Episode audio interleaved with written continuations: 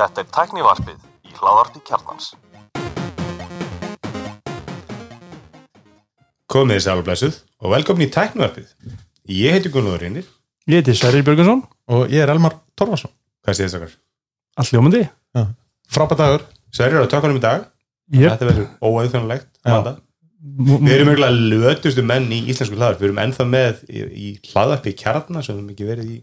Við erum leirum hlaðarpi kjarnar þannig séð en, þeir, við erum þar já, en ekki engum ekkert, og ekki ekkert, aðal. ekkert þannig séð við bara erum þar. Já, ég sá að tóku eftir að þættinir tveir síðustu þetta kom út á sama tíma tvei vikum setna. já, þetta, var, eh, þetta var bara skita.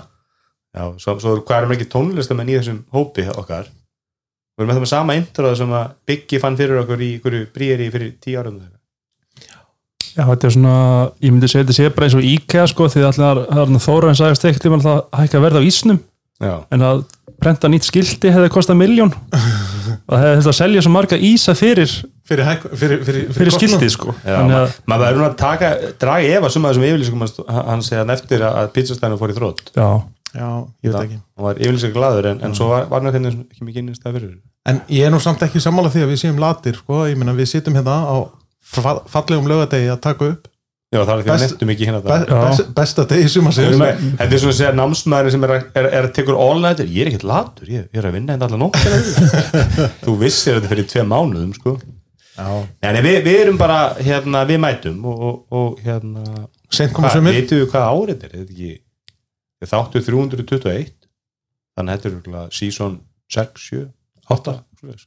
átta held ég við þurfum að eitthvað svona, það er eitthvað svona skjálaförðu teknafs sem að Já. með á hreinu. Já, mér finnst að við höfum að taka eitthvað svona mann sem er mentar í að vera ferkantaður kannski með lögfræðimentum fá okkur bókusansfræðing er ekki en endurskoðandi hóp en, nei, hérna, förum í, byrjum á því að, að nefna það, við erum í bóði Makland já, sem er hérna kostnáttar fóruð þið í maklandum ég er hérna eins og oft þegar ég get í Makland já, eftir hérna- með eitthvað í viðgerið eða bara svona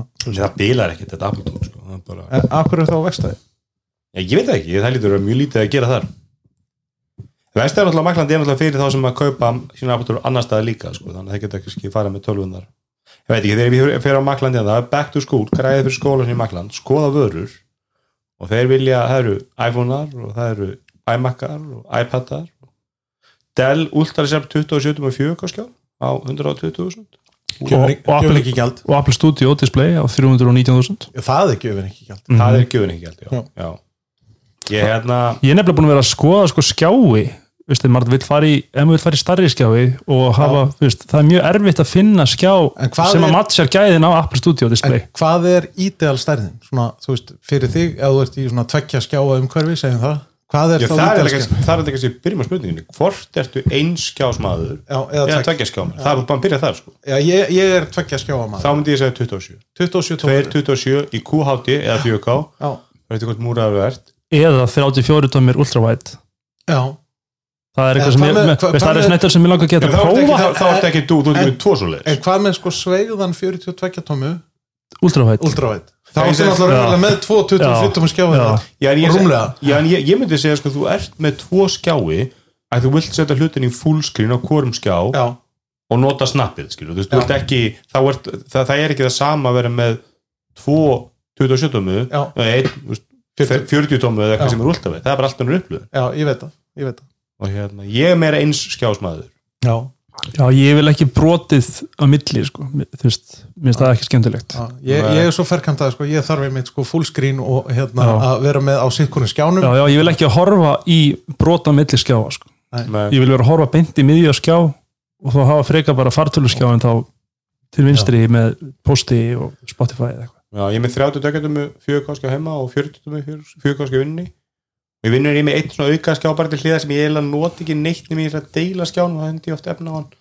Svo það eiginlega hafa mér bara En skjá. hvað er, hvað er Studio Dis- Display Store? hann er 27 tómu og 5K Og 5K þú veist, og það er einmitt, þú, þú eini 5K skjárin svo færðir í rauninni er LG Ultrafine og gæðin á honum er vist bara ekkert nógu góð sko. Með, þá tótt þessi auðlýsing þá ætlum ég að segja sko að John Seger Kjúsa sem er nú sko ég menn hafa með hlað sem heitir Hypercritical þannig að hann er svona gæðin sem að sem að sko er mest nitpikki öllum í heiminum og hann var á því að það væri bara svolítið humbúk þetta 4K eða 5K í Apple já, það væri ekkit vandamál sko. Nei, þannig að ef hann segir það þá held ég hann að Nei. en, en Maklandi er náttúrulega meira heldur en bara hérna uh, já, þeir eru með vestæði þarna og þeir eru með þessa flottu vestlun og, og við bara hvetjum hlustum til að fara og kaupa allar svona skólavörur í, í Makland og, og ég menn er ekki skólatölun ári að mann geta þá eiginlega bara valið hvort viltu gefa banninu MacBook Air M1 spara þér peningin eða Já. fara í M2 Já, ég ég er ósámála sem við verðum að segja í síðasta eða það síðasta þetta um það að maður ekki að kaupa ég ætla að leiðrétta, ég sko veist það, stundum sitt og hlusta ef ég er ekki þetta og ég byrja að skrifa niður. Og mér langar svo mæti þáttinn og byrja bara lestur. Og viltu ekki bara því hefur þetta- átt í huga að ringja bara inn og segja, heyrðu strákar? Ég nei, heyrðu á, þetta er ekki beinn útsendingu en, en sko, þú veist, jújú, það má örgulega færa rauk fyrir því að, að M2 uh, sagt, með 512 sem er eitthvað aðeins hraðara flassminni. En ég datt nú einhverja hóla á netun og lesum þetta. Og þú finnur engan mun á þessu hraðara minni nefnum að setja höndla mjög stór skjöl. Já, ég, eða klippa mjög stóru vídeofæla og ef þú ert ekki að gera það, þá finnur engan mun þá skiptir það einhver máli. Og meina, ég með M1 MacBook Air 256 og, og 8 GB og í alla eðlilega vinslu svo finn ég ekki, veist, ég finn ekki fyrir plássleysa, því það er ekkert innan svo vel. Þú veist, Dropbox geymir allt í skíinu öll uppin og leikinir ég er að senda inn fullt af hverjum hann Apple hann arcade leikjum inn á þetta, svo, þetta er gigabæt hér halvt gigabæt þar, 2 gigabæt Þú veist, þannig ég er ennþá með held ég 160 gigabæt laus. Og ég myndi alltaf fara í M2 bara basic. ég, ég, ég, er, ég er að segja það, ég er þar sko. Mér, mér hefur fundist þessi umræða um M2 er svolítið ósangjöld sko. Hvaða máli skiptir þú færir 8 gigabæt Já, að ég- fæla á að það sé halvur sekundur lengur? Sko hvaða, þú veist, eða bara að hugsa um eitthvað sem er að fara að byrja í skóla eða eitthvað, þú veist, eða bara heimili að það er engin að, það er voðalega fáir að klippa 4K vídeo sko. Ég held að það use að- case Mm. þetta er orðið svo spesif- specific sko, það er alltaf bara verið að miða við já, þetta gengur rosalega vel að klippa 4K vídeo og þessari vel, sko. Mhm. en ég klippi aldrei 4K vídeo. En á 210 skall 209.990 er MacBook er, er M1 einn bara besta tölskutu kif frábæk og 30 skall leika þá færðu M2 þannig að þetta er, það er svona Sophie's Choice í þessu. Já, ég myndi segja það. En við þökkum Makland fyrir, fyrir betur. Og förum í fréttir vikunar hérna, það er ein innlega frétt. Því mjög eru engar, engar svona fjölmiðla, nei hérna fjarskipta fréttir. Það Nei, er ekki mikið áskorunum að fjölga þeim það sé Bjar- mikið að Bjarni Ben verður mjög sári við því að það skulle ekki vera rætt. Sumir í hópum með finnst, finnst fátlega heldur um fjarskipta frétti og öðrum, öðrum finnst mjög skemmtilegt þegar fjarskipta frétti ég, ég elska ég ræða hugsa að tengist í hvað, hvað menn vinna eða hvað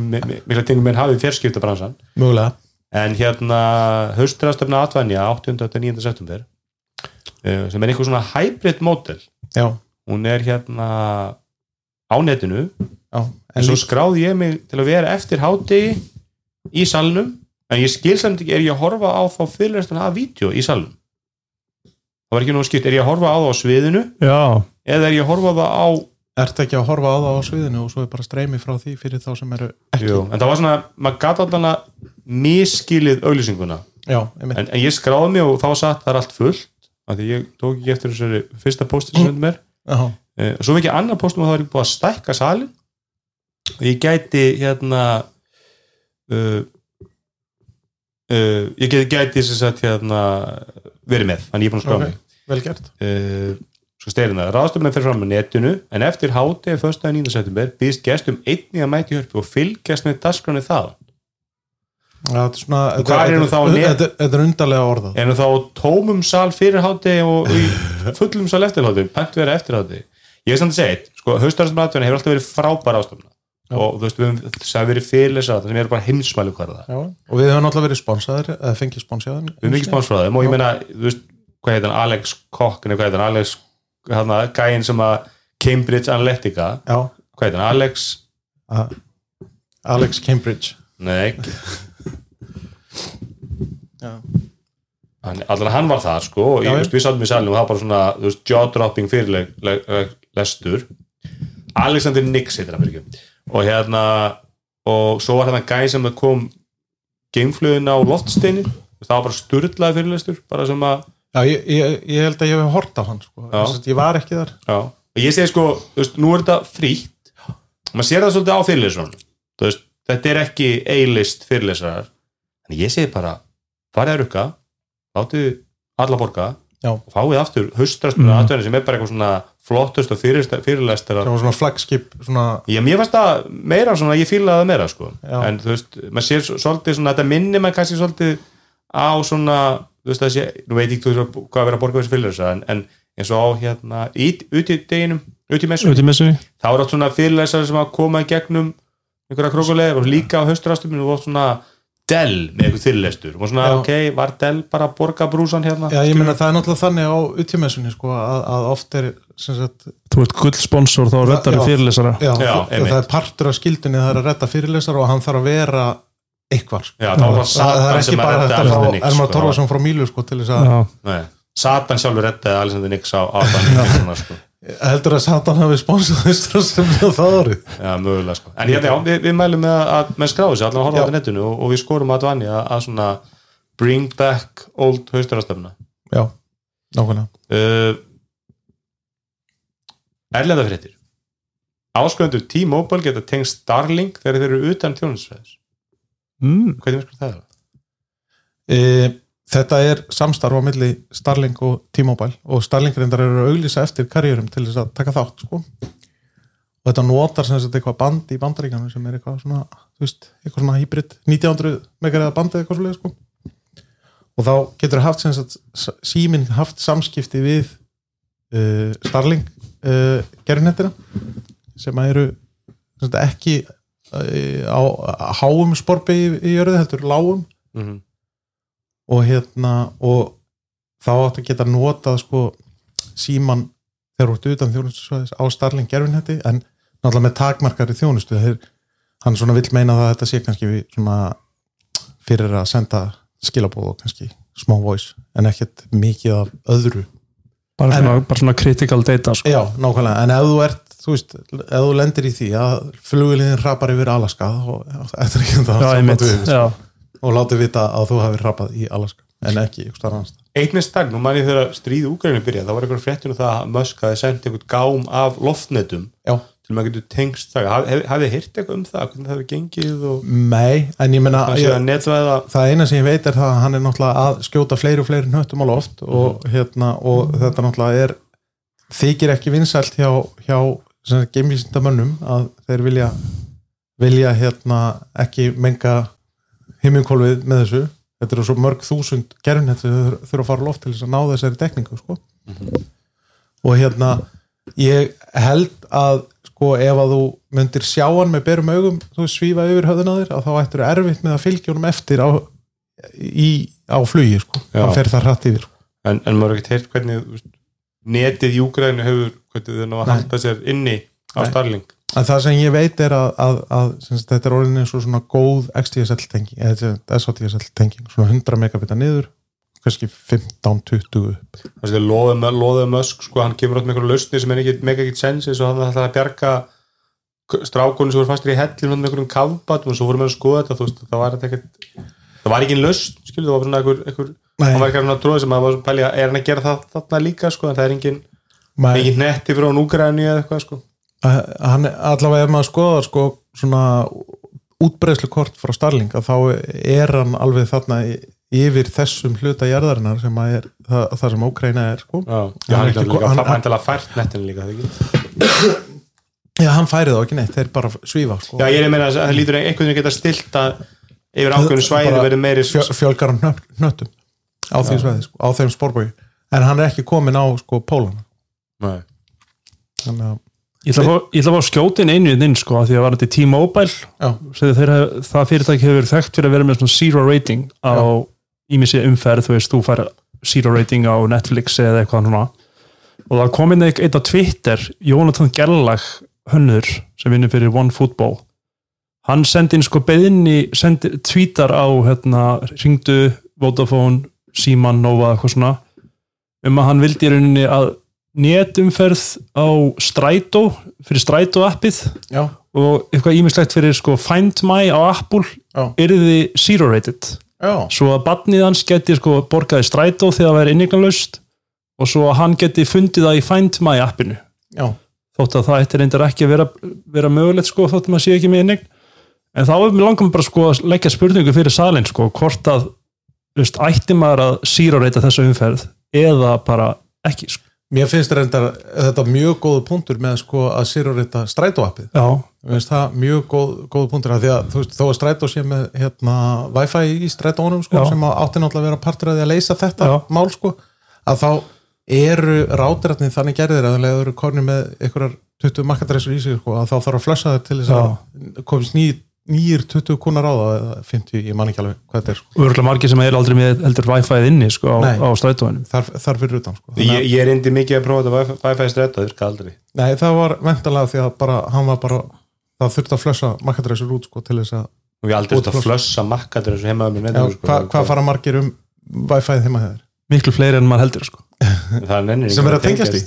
já, já, ég er með sem sko. Já, já, nei, nei, það er ekki margir breytilegir. Ég er að menna það, heima hjá mér eru kannski alla jafna 22 tækið eitthvað ég með hvað fara margir um netið okkur um flugvelli skilur, það er vantilega fleiri í strætó. Já, það er líka svolítið flottari kontrólir þar sko. Já, ég er að segja, þú veist, þetta er bara, þetta er bara þú veist, þetta er margra, margra miljardar fyrirtæki. Gerir þetta bara alveg lega að sleppa þessu sko. já. ekki þetta með eitthvað Wi-Fi sem virkar ekki það er ekki búið að flössa það markaður er- það er- það það einhvern neta þetta á þakkinu þetta meikar ekkert sens þetta er bara, þetta er bara hörmulegt execution og, en ég nú veit ekki í- geta íslensku fyrirtækin svona sírur þetta síminn hefur verið að gera með Spotify eða ekki? Jú, eða, jú, Jú, þú veist.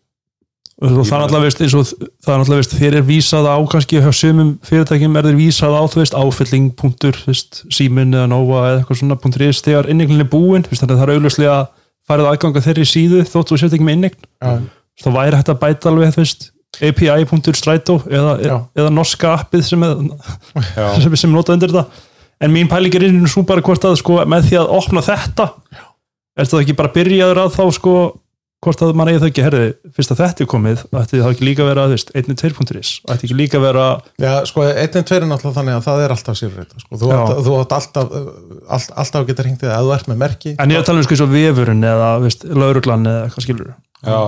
En ég meina svo náttúrulega er bara þú veist, gagnam hann Ísland svo ódýrt. Já, að þú veist, flest símendingi konum pakka fyrir 1000-2000 kall sem eru með 10 gigabætum með eitthvað og við erum í baka 2000 kall hjá ringdu fyrir 100 gigabæt.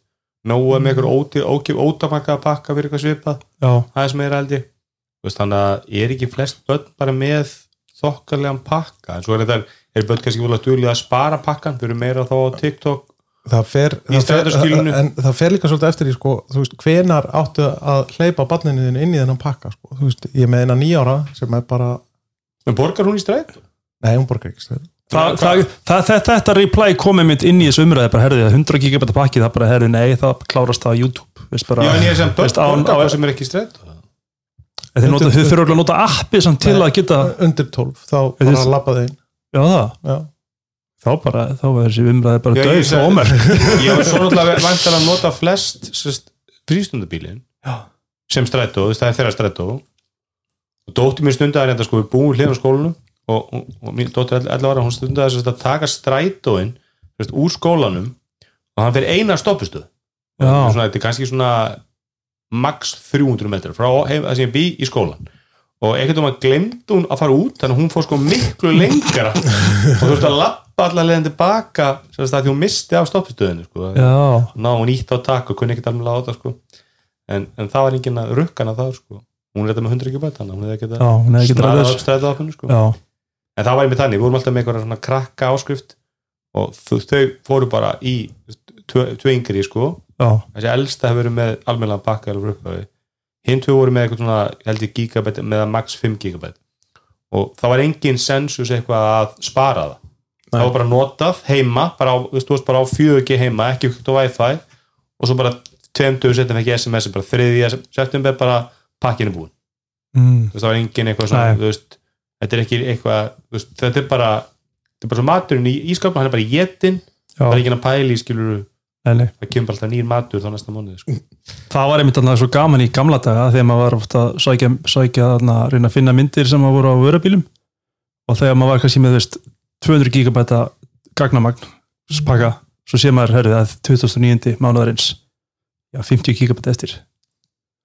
Ú, nú er veistla Mér liði alltaf illa að ég fór ekki út um mánuðinu þannig já, að svona tímdur í 12 var lokað já, ég veit maður, ég lendi alveg í því kannski, það var kannski aðeins og graður sem sagt að klára. Já. og svona síðustu tvo tímana af mánuðinu var ég var alltaf myndin þetta þegar ég var búin að maksa maksa hérna bandituna sko. maður var að tapa peningum ef að en maður kláraði ekki sko. Kláraði ekki. Ég hef nú aldrei lent í þessu. Þetta var svona smáðis, veist, þetta er næst í þessu ef þú mútið að köpa bensín og þú bara myndið fá að vita, herðu, þannig að tankurinn klárast að miðnætti ef þú keirir ekki eitthvað þá er maður bara, herðu, en hérna, já, þetta er þetta er, þetta er áhugavert. Ef við fara í hérna eitt sem er mest áhugavert og tekið svona kannski hérna, það var sérst, núna sunnudaginn kom nýjasti þátturinn af eða fyrsti þátturinn, nýju Game of Thrones spin-off seríunni, Mhm. hvað House of the Dragons það ekki, jú, House of Dragon hásu, já. hvort er House of Dragons eða House of the Dragons? það Ég held að Ég er ekki er ekki The House of Dragons? The House of Dragons. Ég ætla að gíska það, ég er ekki að fullir það sko. þú ert nú með emmeringur hérna, þú ert vantilega með bestu The House, House of the Dragon. Nei, emmeringur skeita på me, bak ekki með S ekki, Ekki S. ekki bara Dregans e- eina Já, ég hann held í House of the Dragons. Eh, allana, en það var áhugaður umræði í lestinni að rás 1 núna í vikunni um þessa þætti. Og líka svolítið á, þess, út frá því vinkli líka að þessi þáttur er ekki það var einmitt í þessum þætti, hvað heitir það sem að skrifa þessa æðislu pisla á vísir um Game of Thrones, Samuel hann, Samuel sem hefur komið í veit það ekki. hann skrifaði æðislega svona hérna pisla um Samuel Karl Ólafsson. Og hann kom í teknik manni, hvort var hann bara manni, hvað var að tala um. En hann skrifaði svona pisla sem voru eiginlega svolítið eins og þú veist, þau væru talmál en ekki ritmál sko. Já, og mjög skemmtilegt svona ríkap af hvernig þætti. En hann benda það sko að, að þessi þættir hefður í náttúrulega verið svona flagskip HBO Max þegar HBO Max væri komið með útbörðuslum allavega upp á bandarækin og, og hluti heiminum sko. Og þá væri þetta svona Þetta er bara launch lons þættinni Já, en Sverrir, ég get ekki að keft HBO Max löglega. Nei, það er ekki hægt. Og hvað, hvaða lönd eru komið með þetta svona Sko, þetta er ekki komið held ég eins og ekki til Bretland sko. Nei. Vist, þetta, er, þetta er bara en var ekki, var ekki verið að launcha HBO Max í Evrópu, þú veist fyrir, Jú, en það, það er sko voru, náttúrulega voru það bara þú veist að Breitland er ekki Európa Nei, það er náttúrulega sko, það er HBO hefur verið eitthvað svona HBO Espanja hefur verið í nokkur ár. Já, já, og svo og náttúrulega HBO, HBO Nordic. Já. sem hefur verið í öllum Scandinavian countries en ekki, ekki Íslandi. Nordic og, veist, og það, náttúrulega- það bara var ekkit mála að henda bara skipta um logo og bara HBO Max þarna. Já, þess að þjónustur er það í gangi? Já, bara, HBO Nordic er það í gangi? Nei, nei, það, hún er orðin HBO Max. Hún er HBO Max Já, ok. Og, og HBO Alemania er þá bara já það er bara pottið sko. Já. HBO Max það HBO, já, en þarna það sem náttúrulega er, það sem gerðist náttúrulega er að síðan, það verður þessi samrunni milli sko Discovery og HBO Max. Já, eða, eða Warner Media. HBO kaupir já, Discovery. Já, og, það, og þá einhvern veginn náttúrulega er bara einhvern veginn sko ekki alveg vita hve- hvernig, veist, það er alveg vita að þetta efni verður í bóði í einni þjónustu líklega, frekar en tveimur veist, næsta ári. Þegar að Discovery var að, var að henda ætla að, að launcha Discovery Plus eða, Það er búið að gera. Það. já, já, hún er komin í loftið sko og með mikið af svona home garden entertain- entertainment þáttum. Já, og þarna og svo bara eftir að það gerist þá allt í henni bara einhvern veginn veist, koma nýjir eigendur og svona herðu við þurfum aðeins að endur sko að launchið í þessum löndum kostar þennan pening greinilega er málið. Mm, og bara það er ekki alveg að fitta inn í okkar fjárasállin þannig við þurfum að slá þess að frest núna. Það er ekki Þannig you að- spend money to make money það er ekki þeir eru búin að vera að gera það held ég. En, en sem sagt ef að ég bý á Íslandi sem ég geri já, og mér langar að horfa á þess að þætti löglega, já, hvað ger ég? þú Fly, bara Flyti hvað annað? þú flyttur hana þú er tvoalkosti Já.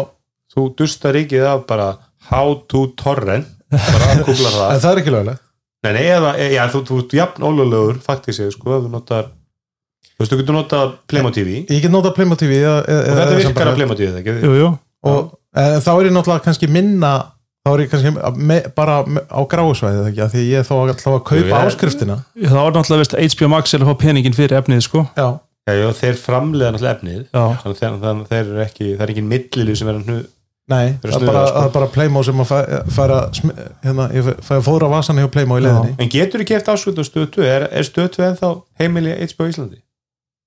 Nú bara veit ég ekki sko, ég veit, Allir- að, ég veit allan að sko, ég var hjá vinið mínum um daginn og við vorum að horfa á þættina All or Nothing, Arsenal við ákveðum að hafa svona hefðarkvöld til að klára þá serju og þegar við tókum, þegar það var búið þá horfðum við þátt af Hard Knocks Detroit Lions sem var einmitt í sjónvarpi síman sko sem þeir þættir er í HBO Max. Já, annars, Þannig- þannig ég veit ekki er, er, er, er þetta HBO efni bara komið út um allt? Ég veit ekki hversu mikið það er verið að læsensa þessu efni sko, því að náttúrulega nú er nýja nálgunin er svo bara að þú læsensar ekki neitt efni. Nei. og það er orðið mér svo vandamál fyrir þess að smáleikara í bandaríkunum, aukaleikarar Mhm. sem að hafa svona haft ísu á, á residual checks eins og talar um bara þú bara sérði eitthvað svona línu hérna, herru já, þannig að þú lefst hérna í Breaking Bad fyrir 20 árum og hún var sínd á TBS þannig að þú farið hérna núna 18 dollara Gunther sem leik, nei eins og gæslega Gunther í Friends, sem þetta látin Já. hann fekk bara eitthvað um 800 dólar ári í Einmitt. af því bara að fá svona eins en, og en þessar tekjur eru raunin sko að þurkast upp af því að núna bara, þú veist, þú fær kannski stærri greiðslu fyrirfram Já. en þú veist, það bara Netflix borgar bara eina greiðslu og þú ert ekki að fara að fá veist, residuals af því að Netflix er hann fer ekki nýtt Nei. Hún fer ekkit í- Ne- Netflix á efnið og það Já. er ekkert að fara að senda hún er ekkert að fara basic cable í. Nei. og svo er kannski ólíklegt um þetta að þeir muni læsensa þessa þætti já, að því ég hugsa að þetta sé svona sko tölvupósturinn sem þú ert að fara að senda sko þeir ætla þessar að opna mjög fljótlega Já, sko, þannig já. þeir eru ekkert að fara að læsensa ef þeir opna svo í desember eða janúar sko á fleiri lönd sko að- þannig að það kemur óvart þegar þeir myndi læsensa þessu sko. En líka rek reksturinn á, á HBO hefur verið svo skrítina því að það var náttúrulega veist, fram, þegar svona streymi heimurinn var þarna allur að koma til þá náttúrulega var HBO ennþá bara í kabelmótilinu þau bara selja bara, þú veist að kaupa kabelpakka hjá, í bandaríkunum hjá Verizon, Comcast eða eitthvað og bara HBO kostaði 15 dólar á mánuði aukulega mm. og, og, og HBO þurfturinn var ekki með neina sölu channela, þurfti bara að selja þetta bara svona og, og, en, en, en samt var það líka þannig að ef þú varst að kaupa cable af ykkurum að þá var HBO standard inn í þeim pakka hjá Já, öllum að því að þetta var bara svo gott efni sko, það var nefnilega málið sko, og það var böndlæni það. Og þá kem, komaði síðan með út af ykkur þörf kemur HBO Go sem var bara með þá sem við erum með cable nú þegar. Mhm. og það var alveg mjög vita að margir voru að deila aðgöngum af því. Og svo 2015 held ég, frekar en 16 kemur HBO Now sem var svona standalone og svo nokkur um síðar kaupir AT&T HBO eða þegar kaupir Time Warner Media. Og þá kemur ykkur gæi inn frá AT&T sem að ætlar að stýra HBO sem segir, herðu, þetta er frábært efni sem þið er að gera en þið þurfa að búa til meira af því og fyrir minni pinning er þið þurfa að dæla út þáttum. Og það var svona, og ég meina það er náttúrulega það sem að Netflix er að gera. Þeir er náttúrulega bara að dæla út efni og, og, og sumt af því er gott og Já, já. ekki þetta er bara pínlítið eins og videolega sko. á meðan gæin sem einmitt var að stjórna HBO, hann er heldur komið til Apple TV sko. TV Plus, sko. Richard Plepler þeir fóru báðir hann sem gerðu Game of Thrones. Þeir Já. fóru líka, er þeir ekki á Netflix? Jú, gott eða ekki. Jú, að þeir gerðu eitthvað resasamning sko. Og það var áður þeir síndu hennar síðustu fimm þetta í seríun þá séu þess að sæna dílinn fyrir það. Já, en, en já nei, veist, eru þið spenntir fyrir ég ætla að skjóta inn í samt, já ég ætla að segja það hann sko, Maggi Rak hjá Símanum já. hann sagði okkur með þráði að þessi díl sem var stöðtuða með hann var að renna út örugglega fyrir 2021 Já, sagði hann. 2021, jólum Já. 2021 Já. þannig að hann er út úr henni sko. Og hann sagði það einmitt við bara, hann sagði það sko 2018 og 2019 Já, þetta var vitað sko. Já, ég meina það var vitað að HBO myndi ekki endur í hann sko. að þau ætluðu sér að ná þessum réttindum tilbaka til þess, að, til þess að vera með eigi plattform já, bara eins og Netflix er, já, já. Ég myndi segja sko að, að bakkatalogur hjá, hjá HBO Max heillar mig miklu meira heldur um bakkatalogur hjá Disney ég, meni, ég, Já, ég, ég, ég, ég Disney, ég, mig, mig persónulega sko, veist, að Disney þjóðast að ég er með hana og veist, magnið efni þar eitt, eitt, eitt besti kostur í Disney þeir eru með, þú getur vist að þætti í iPadin svo fer í flug og þá segir hann no network connection. Já, og þá getur ekki opnað það er eitthvað böggur í, í, í hérna þetta, þetta er mjög góð punktur en vandin er náttúrulega sá sko er að þú sko þú sest niður klukkan hálf tíum kvöld og þú hugsa með þér, herrðu já, það er frábært efni þetta. Er IR og Sopranos og svona hvað, hérna, hvað heitir hinn þátturinn, þú veist, eins og Tremei og eitthvað svona, Já. svona vandastöf Já, en svo, kem, svo kemur í ljós að þú, þið langar eiginlega að horfa miklu léttar efni sko. já, og það er einu það sem svona HBO Max leisti til sín var svona The Big Bang Theory, West Wing, Friends og eitthvað svona. já, af því að það vill enginn alltaf horfa á þessa vönduðu þætti, þið vilja bara geta hendið ykkur í gang og með þeir að brjóta saman þvott já, ekki já, bara sko, og Dostoevsky. þetta, þetta, er meira, þetta er meira að hugsa þetta sem bakgrunnssuð sko, heldur en raunverulega sökka sér í nákvæmlega sko. Já, en, en mér finnst þeim með Disney hafi verið lefið því. Þeir eru með, ok, þeir eru með allt þetta Marvel, ég sá það allt í bíó. Já, þeir eru með þessa nýju þætti en þeir koma þú veist, þeir eru, eru Þeir eru að few and skammta. far between þeir eru- að skamta já, Já, þú veist, það er alveg, og þeir hafa nú líka verið misgóðir, það er ekkert af þessu sem er eitthvað virkilega gott. Sumt af því er fínt sko ég meina ég var hrifin á Hawkeye mér finnst það skemmtilegt Það er, eiginlega best af öllu sefni, ég finnst það Já, það mér fannst Loki líka bara mjög fínt sko. Já, jóla þættinum með Hawka var eiginlega best af þessu. Já. Og best af Hawka var hann að söngleikurinn, sko, bæði fara. Já.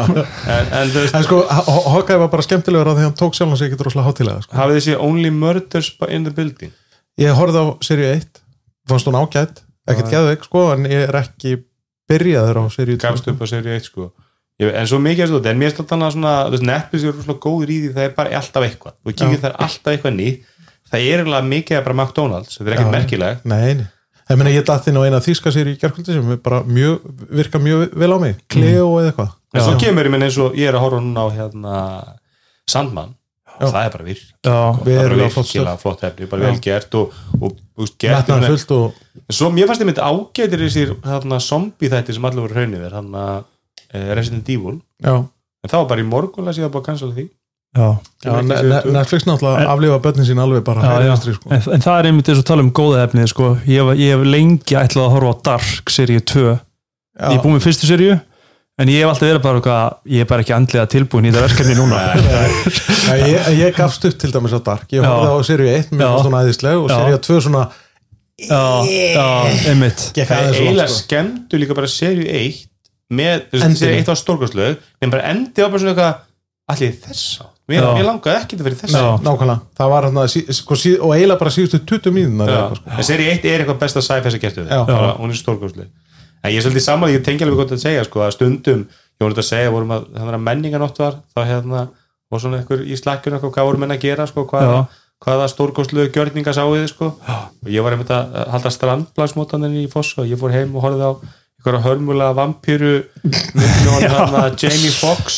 Nú, ekki, ekki, ekki Fearless Vampire Killers Nei, hvað heitir hún? Hún heitir hérna The Day Shift með Jamie Foxx. Jamie Foxx er svona, við viljum stjörnu. Já, við viljum ekki borga mikið. Er já, svo stæmi, hann er óskarsvöldlega hafi og allt það. Hann, Hann var- hann, er- er alveg með screen presence já, þetta er svona hann þetta var er, frábær í Django Unchained. Will Smith, uh, kannski ekki eftir. Oscar en svona við viljum Will Smith getur við ekki fundið einhvern annan Já. sem er svona budgeti okkar ekki Wesley Snæður, mér alveg það desperate sko við eigum fjóra miljonir til að borga því fyrir stjórnir einmitt, veist, og, og Jamie Foxx getur alveg púlað af sko. En stundum langar maður bara eitthvað sem að David manni hausinn sko. Og, Það er og bara þannig. ég held að Netflix séu því þú ert bara is it cake og bara Já. eitthvað svona þú veist, heilalust herðu, is it cake, einmitt, svona minn elskar það sko. æslega bara þetta er bara eitthvað fárlegt efni sem ég vissi ekki að vera til sko. Já. Við tókum allt hann bara einmitt svona páskana tókum við að nailed it þegar Já. að baka og kökur. Þetta er svo cheesy og lélegt sko. Já, en það þetta er er engar auglýsingar. Það er það er svona fullnægi í þessu samt, eina sem að Netflix hefur aldrei gert almennilega er gaman þetta já, einmitt. Já, þeir eru aldrei náð einhverju og svona ekki, ekki af því þau voru, hafa ekki verið að reyna það sko. nýmina sem er ekki aldrei verið að reyna búa til gott ga- gamanefni. Ég myndi að FX ákvað eitthvað að gera þegar sem þá voru þeir þú veist, þá voru Fox að missa einhverja ég man ekki hvað þættir það voru en það voru svona einhverjum stórir þú veist, náttúrulega svolítið svona öld sitt komið að fara að degja út þú veist, Seinfeld var hættur, Friends var hættir Frasier var að hætta, minnum mig 70 show var að hætta á- Ég segi, hann kemur kannski í svona setni bylgja Já. sko, en, en þá, þá ákveða Fox að sem sagt, í staðin að koma með eitt stóran þátt að þá letuðu bara svona litla spámenn bara að þeir fengu Louis C.K. til að gera Louis þeir gerðu hann að? Óli Sönni og Fantasy fútbol þáttu, þeir já, gerðu eitthvað á 5, 6, 7 þætti og það eru flestir eru bara drullu góður bara Já. endurst lengi, þú veist, lík var eitthvað 6 season Óli Sönni náttúrulega ennþá menn Já. mátt drepa það fyrir svona 5 seasonum en voru fyrstu 10 sem er Óli Sönni eitt besta gamanum sem getur verið sko og náttúrulega Rested Development sem er ekki FX heldur Fox var Að það því- því, já Þú veist, það, það því að sér á Já. Fox og sumt er á FX sem er cable sko en budgetu það var svona látt, en þið sögðu Já. bara þið fáðu, þú veist, svo Lúi Siggi hann segja bara hann fæði x uppæð per þátt og bara gera það svo vill og senda okkur þetta, það var næstu í þannig sko. En hann fekk líka ekkert fyrir þá, sko. við lítið pening fyrir að gera það, sko, fyrstu seríuna. Og það var sam, samálu sönni, þeir fengu ekkert budget, en fengu mjög mikið svona creative freedom, sko. Þannig að maður skilur ekki, akkur getur ekki Netflix gert einhverja góða en Ne- Netflix hefur samt ekki heldur gengið rosalega vel að búa til bara bíómyndir sko. það, það er svona, það er sumt af gott hustle til dæmis er mjög góð. Eh, og, og það svona, þetta virðist vera lagast hjá þeim sko, en það er örgulega tekið 5-6 ára að læra að búa bara til bíómynd.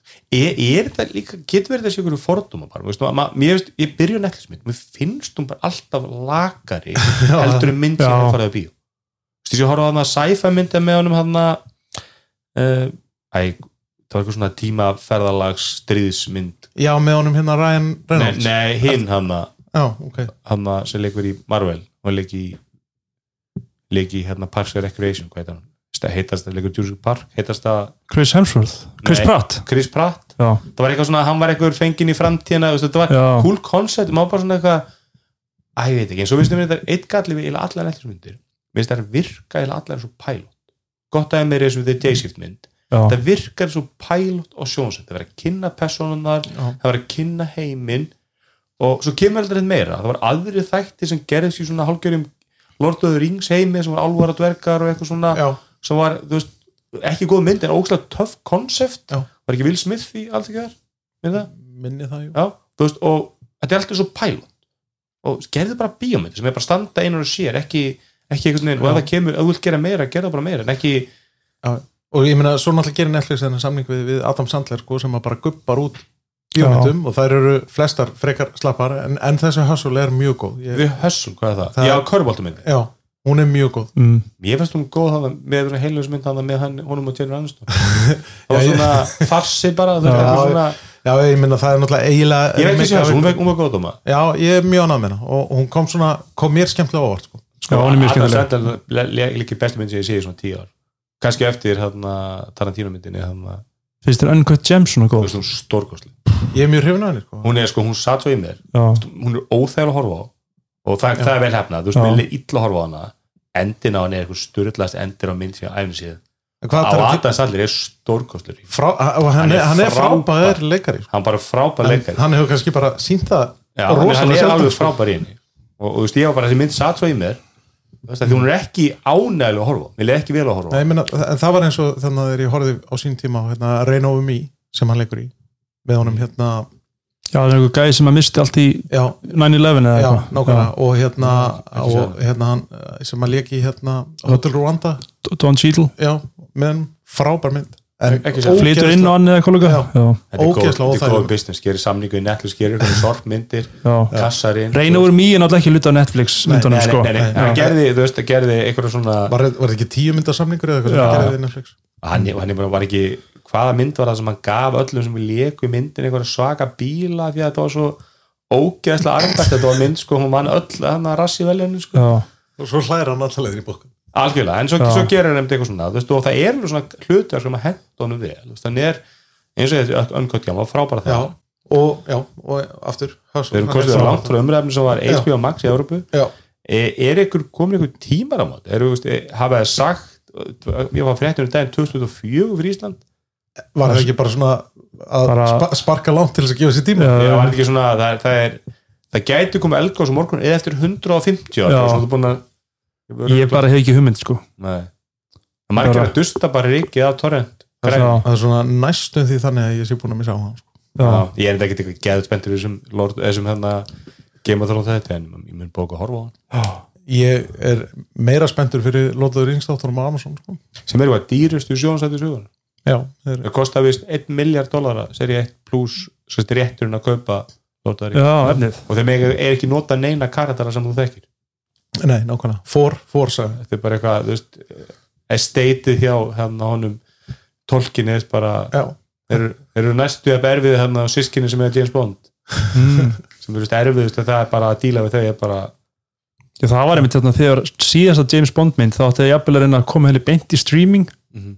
Kannski hefur þetta rætt hérna eitthvað það var bara eitthvað verðminn að því var bara eitthvað já, við erum að pæla í þetta 300 miljónum dólar eða eitthvað það var bara eitthvað fáralegt er, þannig að er, er það ekki bara eins og Johnny Depp fyrir hérna að taka enn en eitt snúning á, á, á Pirates já, Já. það er bara en, ekki fyrir 300 miljón en Nei. hvað með 300 miljón og einn dólar? já, en, en hvað er búið að gera 30 James Bond myndir og það eru stilgóðangströng sko.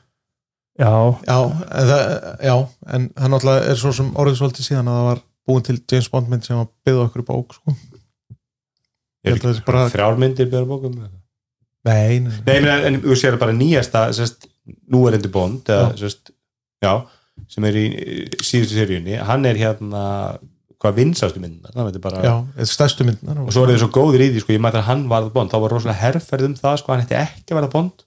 Ja, það er alltaf. Svo komið ljós, sko, það var allt bara það það og nú er einmitt rosa publicity hver við næsti Bond. Idris Elba Idris Elba, Tom Holland er Já. hann á, sem leikur Superman og hann að Spiderman? The Witcher, hvað er hann hann að ja, hann þarf að vera breyti já, hann er breytið ekki, sem leikur Witcher. Ég veit ekki hvað leikur vitsir leik Superman, sérst í, í nú, hann er nú Henry Cale Henry Cale, hann er efstur á blæði segir. Já, Tom Hann er Holland lítur út lúta eins og hann sé bann, já, sko, já hann er líka svona 22 eða eitthvað líka. Það getur verið með, veist það vantar ákveðna vikti hann, hefur ekki að gefa honum alveg mér varst Já. það, Tíu ár, hann- sko. Uncharted, mér finnst hann bara virka og barnalegur. Já, hann er, flottur sem Spiderman sem barnið Spiderman, sko, en hann er ekki góður sem, sem svona, því að maður Nei. að spila þess að þætti þú veist, mér finnst hann bara ekki nóg hafa vöðu en að geta klifra svona mér finnst hann ekki ég meina það er bara eins og Piers Brosnan sem Bond, hann var bara of mikið léttavíkt til þess að þú veist, virka sem Bond. Keftir það alveg að hann væri nóg fallegu til þess ég að meina allir góð með vita náttúrulega bara hann hérna besti bondin er Daniel Craig sko. Nei, Sean Connery, Sean Connery, já. Alltaf. Herrið, hérna, ef við fyrir fyrir þetta hérna það er Apple viðbyrður 7. september það er hann er staðfestur eða ekki hann er staðfestur. Hann staðfestur. það búið að vera mjög svona Far Out er það sem fylgir með Já, hvað, þið- hvað þýr það? Er það telefotolinsa? því er örugglega bara að iPad OS kemur Far Out from iOS því að það kemur ekki á sama tíma það var mjög umræðum í nýjasta að þú finnir með The Talk Show að að hann er sko, það tala um sem er séu hardest working man in showbiz, hann er sko laziest man in showbiz. Já, þannig að hann er alltaf sko semi auðlisendur um þætti og svo kannan skuldar hann þætti þannig að það kemur kannski engin þáttur. Í þrjár vikur? Í þrjár vikur, svo kemur kannski bara 2005 og 2009 mánaðarins koma Já, tveir þættir bara, veist, og, og þá var alltaf setni þátturinn um ekki neitt, af því að er búin að tala um allt í fyrir þetta já, en hann er með deldi núna, komið þáttur í gær og svo fyrir viku var þáttur þess að voru að tala svolítið um þessu orðrúma og þetta er rosalega sko mikil pæling hvenar viðbyrjunni er. Og hann er aldrei á þriðudegi ef að það er frí á mánudegin og það er oft að veist, það er Day núna næsta, nei það er næsta mánudag Já. er Day sko. Og því þú vilt ekki láta blaðamenn vera að ferðast á Labor Day annarkot blaðamenn eða starfsfólki, ég veit ekki alveg hvort það er ekki mögulega bæði bara, Já. þú veist, þú vilt ekki alveg að ferðast um helgina. Hann er aldrei á þriðudegi ef að þriðudegin 11. september. Og þá er þið búin að reikna út út frá þessu þá er það líklegast sjöndi sko. Mm. sem að ste- stemdi svo með að það sé búið að gefa þetta út og, og þetta er náttúrulega þessi árlegi sem hefur verið nú í svona 6-7 ár höst viðburður Apple það sem muni kynna nýja iPhone mögulega nýjan budget iPad Apple Watch og that's about it held ég já, og svo er náttúrulega Airpods kannski já, og líka náttúrulega bara eitthvað sem vist kynna náttúrulega iOS 16 betur Já. Þú veist, þú veist ja, það því að kynna það bara í gegnum tæk gegnum tækin og, veist, stundum með mitt hafa þessi skemmtilegustu fítusar hafa komið með kynningu á tækjunum. Einhver hardveri. Hardveri. Siri og Digital Crown já, já, portrait mode og símum myndavel og allt þetta. Veist, þetta hefur aldrei komið í WWDC heldur alltaf á septemberkynningunni. Nei, um leið og játni, játni sem stýður þetta ég komið sko. Ég myndi segja að það veri, þetta væri almennt skemmtilegur viðbörur heldur en dub-dub í júni hann er svolítið þurr eða þú veist, það er líka bara verið að kynna svolítið þurrt efni sko. það Já. er svolítið erfitt að gera það skemmtilegt sko. já, já, ég, ég hefna uh, sko, byrjum bara iPhone-unum. Það er náttúrulega, það sem orðum er sá að það verði fjórir iPhone-unar kynntir. Mm -hmm. 14 og 14 Max Já. sem er þá 6.1 og, og 6.7 eða ekki. Já, og svo 14 Pro og 14 Pro Max. Mm þannig að það er er sem að allir mun gráta. Sárt sárt og, hérna, og hann mun, en hann er samt farin að blóta hérna, batterisendingunni á þannig ja, hann mun finna ykkur ástæð til að enda í 12, eh, 14 Pro. 14 Pro Max. Já, það verður ekki Max, hann, hann er nú staðið við það hann er ekki verið Max maður hann með, enda með mjög litlar hendur. Já. hérna þú veist hvað ég sagt um menn með litla hendur? Já, þeir eru með, þeir eru með stórt hjarta. Já, þurfa litla vellinga þurfum litla velja hérna eh, orðurumin sá að bara 14 Pro símanir fái uppfærin örgjörða Já, er, er það ekki bara af því að það er bara framlýslu skortur og- eða erfiðleikar í framlýslu jú, vantalega, vantalega en það er svo sem no headroom eftir í núverandi örgjara hvort eða er þannig að er ekki, er ekki líka þannig að verða hækkun jú, þetta er verðlækun það er verðbólka Já. verðbólka, það er, það er stríð í Ukraínu hálf próf Já. verðbólka bandaríkjörnum eða eitthvað. 12% er ekki 10% Jú, í Bandaríkjunum? já. Hafið þið lendið því einmitt þarna til að skjóta einna skemmtilega inn í sko, að þegar þú færir svo svar frá einhverjum svona merchant eða eitthvað hérna á Íslandi eða eitthvað Já. að stríða Úkrænu hafi haft áhrif, áhrif á reksturinn Já. þegar það er eiginlega augljóst mál að þeirra vörur hafi ekkert að gera með stríði Úkrænu sko. Er þetta að selja korn? Korn eða sólblómólíu Já. Já. Já, hérna en, það, en, en það er samt þannig að einn af byrgjunum okkar til dæmis hjá fyrirtækinu það síminn að þar eru þau með sko tvær aðfangakæðjur frá Kína Mm. til Evrópu og nú er önnur þeirra rofin, það er að segja landliðin sko. það var þau, þeir sem sem fluttu með skipum eða lestum og nú fara lestar ekki lengur mm. er eitthvað skip hérna súeskurðum stranda það var þau bara shit out of luck það er bara að fara fram með Sómali og treysta að það ekki lendi í mannráni, Já. ég, ég, ég samanlega, ég held að, ég held að sko, það verður kannski seint þetta að segja að iPhone 14 verði hægur ef hann er, ef hann er með árskömmum vörgjör og ég held að, Nei, ég held að það sé bara næ, nægt headroom eftir sko. þannig veist, þarf ekki að, það þarf ekki að gráta það að mögulega að það séu ykkur, ykkur input á örgjörunum sem að myndi, myndi sakna til þess að gera eitthvað með sko. eina sem maður kannski segir alltaf, þú veist, þú ert að kaupa örgjör við Apple tækjum fyrir fimm ára setna, þú veist, þá finnur þú kostin að vera með, með þú veist, ef þú til ber saman þú veist, iPhone SE við Galaxy A20 eða eitthvað, Já. að þú veist þú sér ekkert svo mikið mun á símanum í dag. Nei. en barnið sér munið til tvö ár.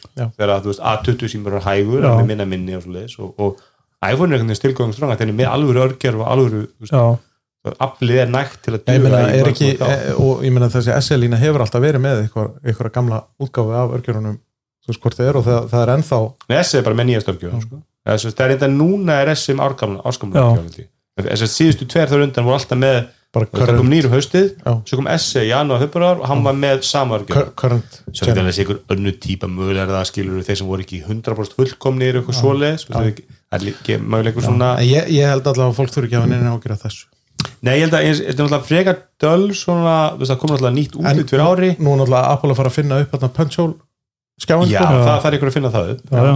það, það hefur aldrei virkað almennilega fyrir neitt það hefur enginn getur það en- punch-hole kamera þetta verður líka náttúrulega áhugavert sko, hvernig aðgreiningin verður að því að sko, áskömmlu símindar hafa alltaf lækkað í verði um 100 dólar að því að nýja kemur Já. og veist, hvernig, sel, hvernig salan verður þú kemur í Apple-búðuna þú getur keft hérna iPhone 14 á þú veist 829 að því að alltaf þessu auka 30 dólarar ef, ef hann er sim-free Já. eða iPhone 13 á 729 hver er munurinn? Þeir eru með báða með samörgjuran Já. en þú ert með punch hole kamera að þessari framan á og aðeins betri myndaðal aftan á og það er auka 100 dólar þetta er svona erfiðari sala myndi ég halda Þetta er mjög erfitt sel sko. Mjög erfitt myndi ég En Ég er alveg sammála því en, en, en mögulega þá er kannski hægt að koma með eitthvað aðra nálgun að það sé betri skjár já, já, hraðar að feysa því eða eitthvað. Já, nákvæmlega. Þannig að þú veist. Ég veit sko já, ég, ég, ég skilji mikið til þess að læknum sko, ég veit að, þú veist, 12 Pro Max var ennþá í sölu og ég sem þetta er ekki á nú, En- núna, hann er bara mjög nýla verið að sjá hann þar. Og hann var að hverju, þú veist, held ég á 200.000 eitthvað, kostaði 20 sko minna heldur en 13 Pro Max sko. en svo kannski bara fer 13 bara úr sölu já, sko, vandamáli mitt er það að, að fábjörnur á bland sem er að selja sinn 12 Pro Max sem er kannski tveggjara gammal vilja það bara fá 200 pluss kannski 20% af því, þannig að menn Já, að ég veit setja bara 170 skall á tveggjara gamla síma. En á, áður þegar það var alltaf hann bara að það kom bara Maximin árið setna á bara nýr Maximi Já. þá droppaði þetta bara um 100, 50% verði og bara 100-110 skall fyrir prósíman árið áður Já. núna hangaði bara í verði bara þessu gull sko. þannig að það er spennandi. En, en, en það minnst ég sá áhuga rúmur um nýja budget iPadin, hann færi henni skélina á iPad Air. Hann verður, hann fittar í þú meina að hann það er fær- non-ugly? Nei, það verður, nei, byrju, hann verður það fara alltaf ugly, ugly skatt, sko.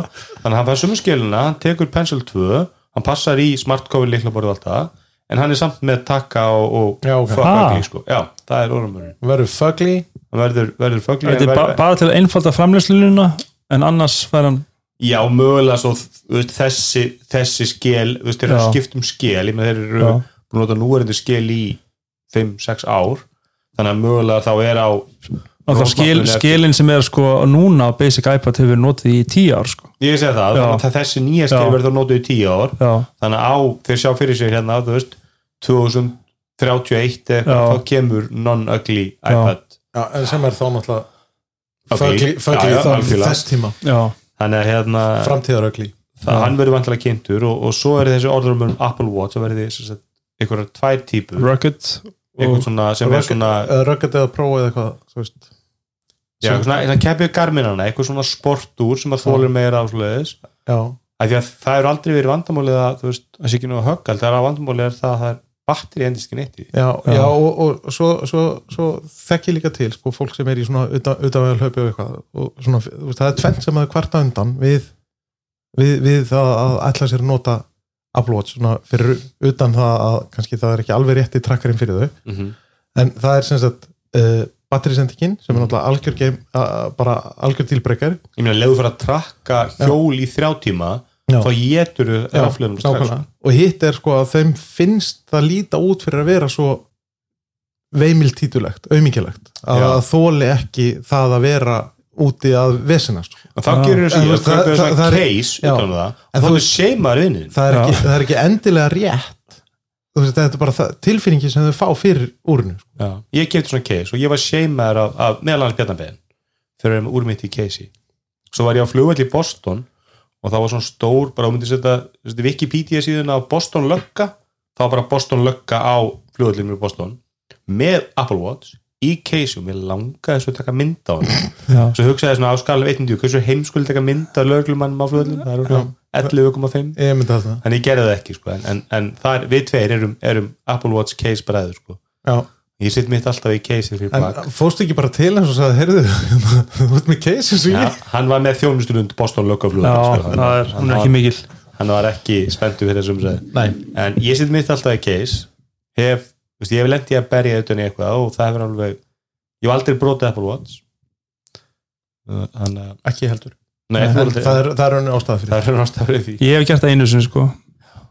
Nú er einmitt með mitt Apple Watch Series 3 í sölu og þetta er erfiðasta valan sem ég hef selt á efinni á bland og ég, það, það hefur verið selt næstum því svona sjösinu og bara, já, kem ég kvöld og sæki og svo bara, kom hann ekki? svo kemur hann ekki á meðan ég seldi Playstation 4 tölvu á föstudaginn, sett hann í sölu, bara 15 skvöld farin í gær sko, Aha. Akkur er þetta að selja Playstation 4, Sverrir? að því ég kom með Playstation 5 komin í innan Sverri sendi mér skilabóð ég bara svona Antoni, já, pælir. Svo jó, ég tekið það. Þú veist, og er ég fressa svona þremun eftir að spjalli byrja það var uppselt.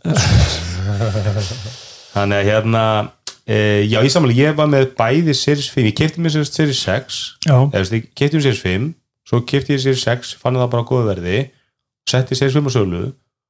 Svo prófaði að henda Series 6 á sölu líka endaði að selja það frekar á, fekk að því nokkuð tilbúið það. Og ég var ekki með bæður og sölu svona hálft ár. Þetta er bara, þetta er einn ein, ein þingsti mm. þetta er einn þingsta sala sem að, ég veist, ég auðvitað að selja sko Sony 300 túbusjón þetta er Apple Watch, þannig að ég veit ekki hvort það, sé það er náttúrulega einhver safnari sem vil kaupa svoleiðis túbusjónar Já, ég veit ekki hvort þetta sé út af því að það eiga allir Apple sem vilja Apple Watch eða allir vilja nýtt Apple Watch bara vilja allir nýjustu típuna. Þú veist, þú ert bara laður einelt og þú með gamalt Apple Watch, Já. veit það ekki, sem mist ólíka því lítur allir eins út. Já, já. það er mjög þjálfu auðvitað þessum mun sko. eða kannski er bara áhugin minni heldur en þú veist, það eru þessir nördar sem vilja Apple Watch þegar kaupa sér það. Hinnir eru bara svona, að sé mettun á markanum já, þú kannski býður sverri 20 skall, svo bara æ, vanta með þetta. Já, og svo líka kannski stundum sko svara eitt daginn eftir, já það til það bara, ég er búin að finna annað þetta er svolítið þannig, þannig var það sko. Svo þegar ég kaup mér iPhone þá býður kannski 30 eða eitthvað. Svo bara fyrstu sem bí, just, samþykjur verðið sem ég er til í hann fæði díl allir hinn eru bara allir henni býðir bara guys.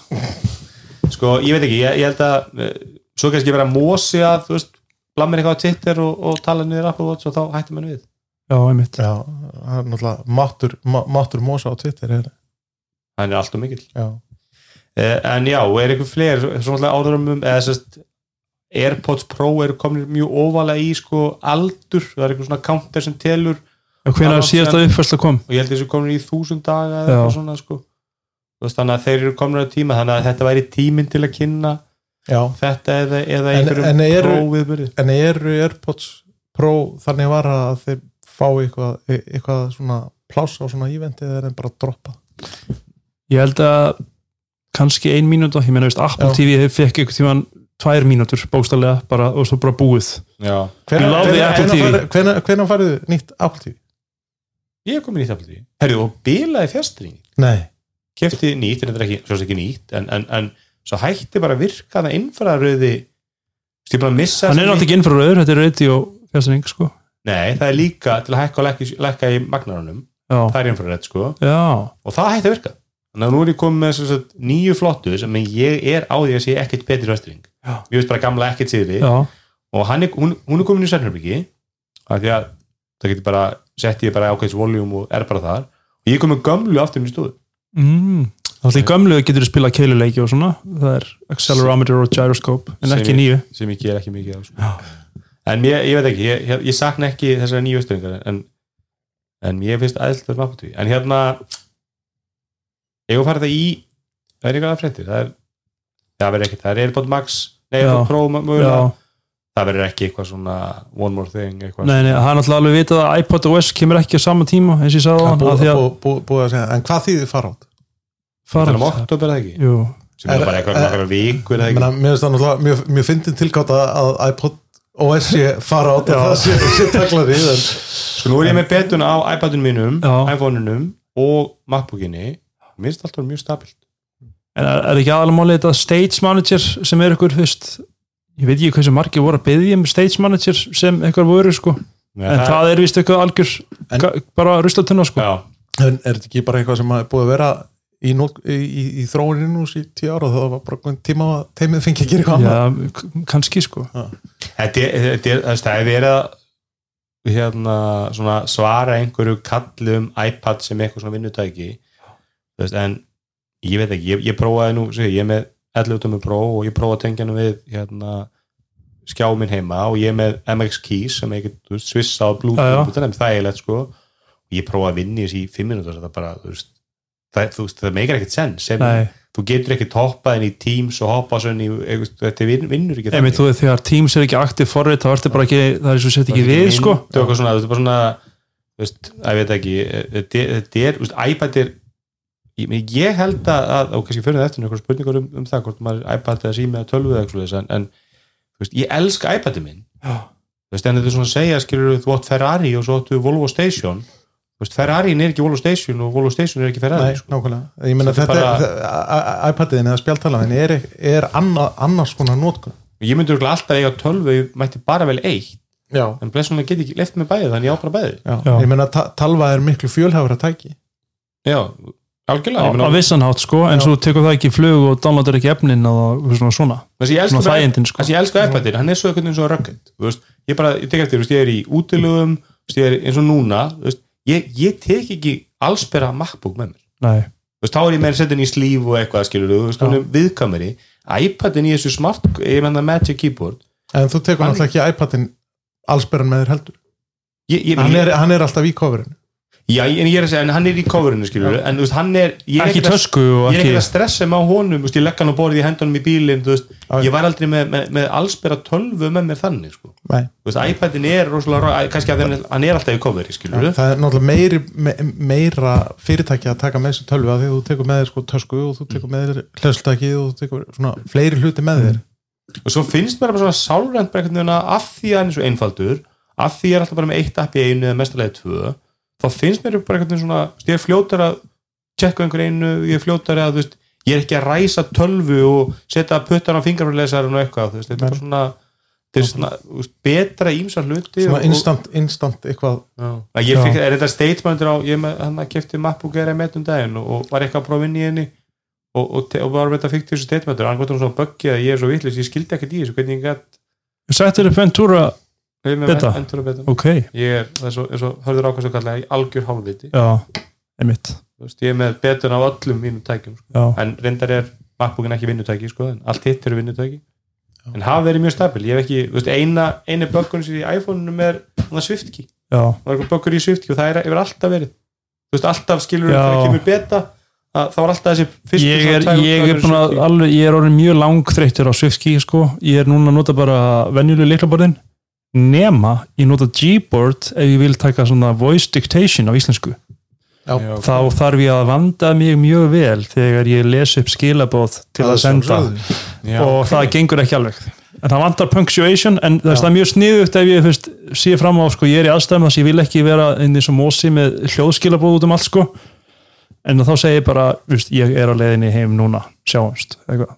Já, ég, ég hérna ég er í dyrnum hóp á Facebook og, og það er sérst, verið að skipilega fundi og svoleiðis og það er allir hérna uh, mjög miklir mosar sko, sem Já. það enda við hljóðskilabóð og, og svo kíkir maður á skilabóðan það er kannski tíu hljóðskilabóð og veistu, ég er hlaup út að hittast Já, og ég er bara svona í prinsipin, ég er ekki bara hlaup ég er bara, hvað séu, sendur í hljóðskilabóð getur ykkur gripið með hittakunnu ég veit það ekki, ég hlustaði ekki á allir þessi tíu Nei, það bara það, það er alltaf mikið effort sko, það sendi ykkur adressunni í hljóðskilabóð en sko ég, ég, ég er að segja það sko að sem sagt, það að senda hljóðskilabóð það er kannski rosalega þægilegt fyrir þig sem sendir þau já, en það er rosalega mikið effort fyrir alla er Já, að- að að- að meðtaka skilabóð alveg skjálfilegt sko hérna, en ég, ég myndi skiptir í, skiptir í app og leiklaborið já, þegar svitki vaka leða sko.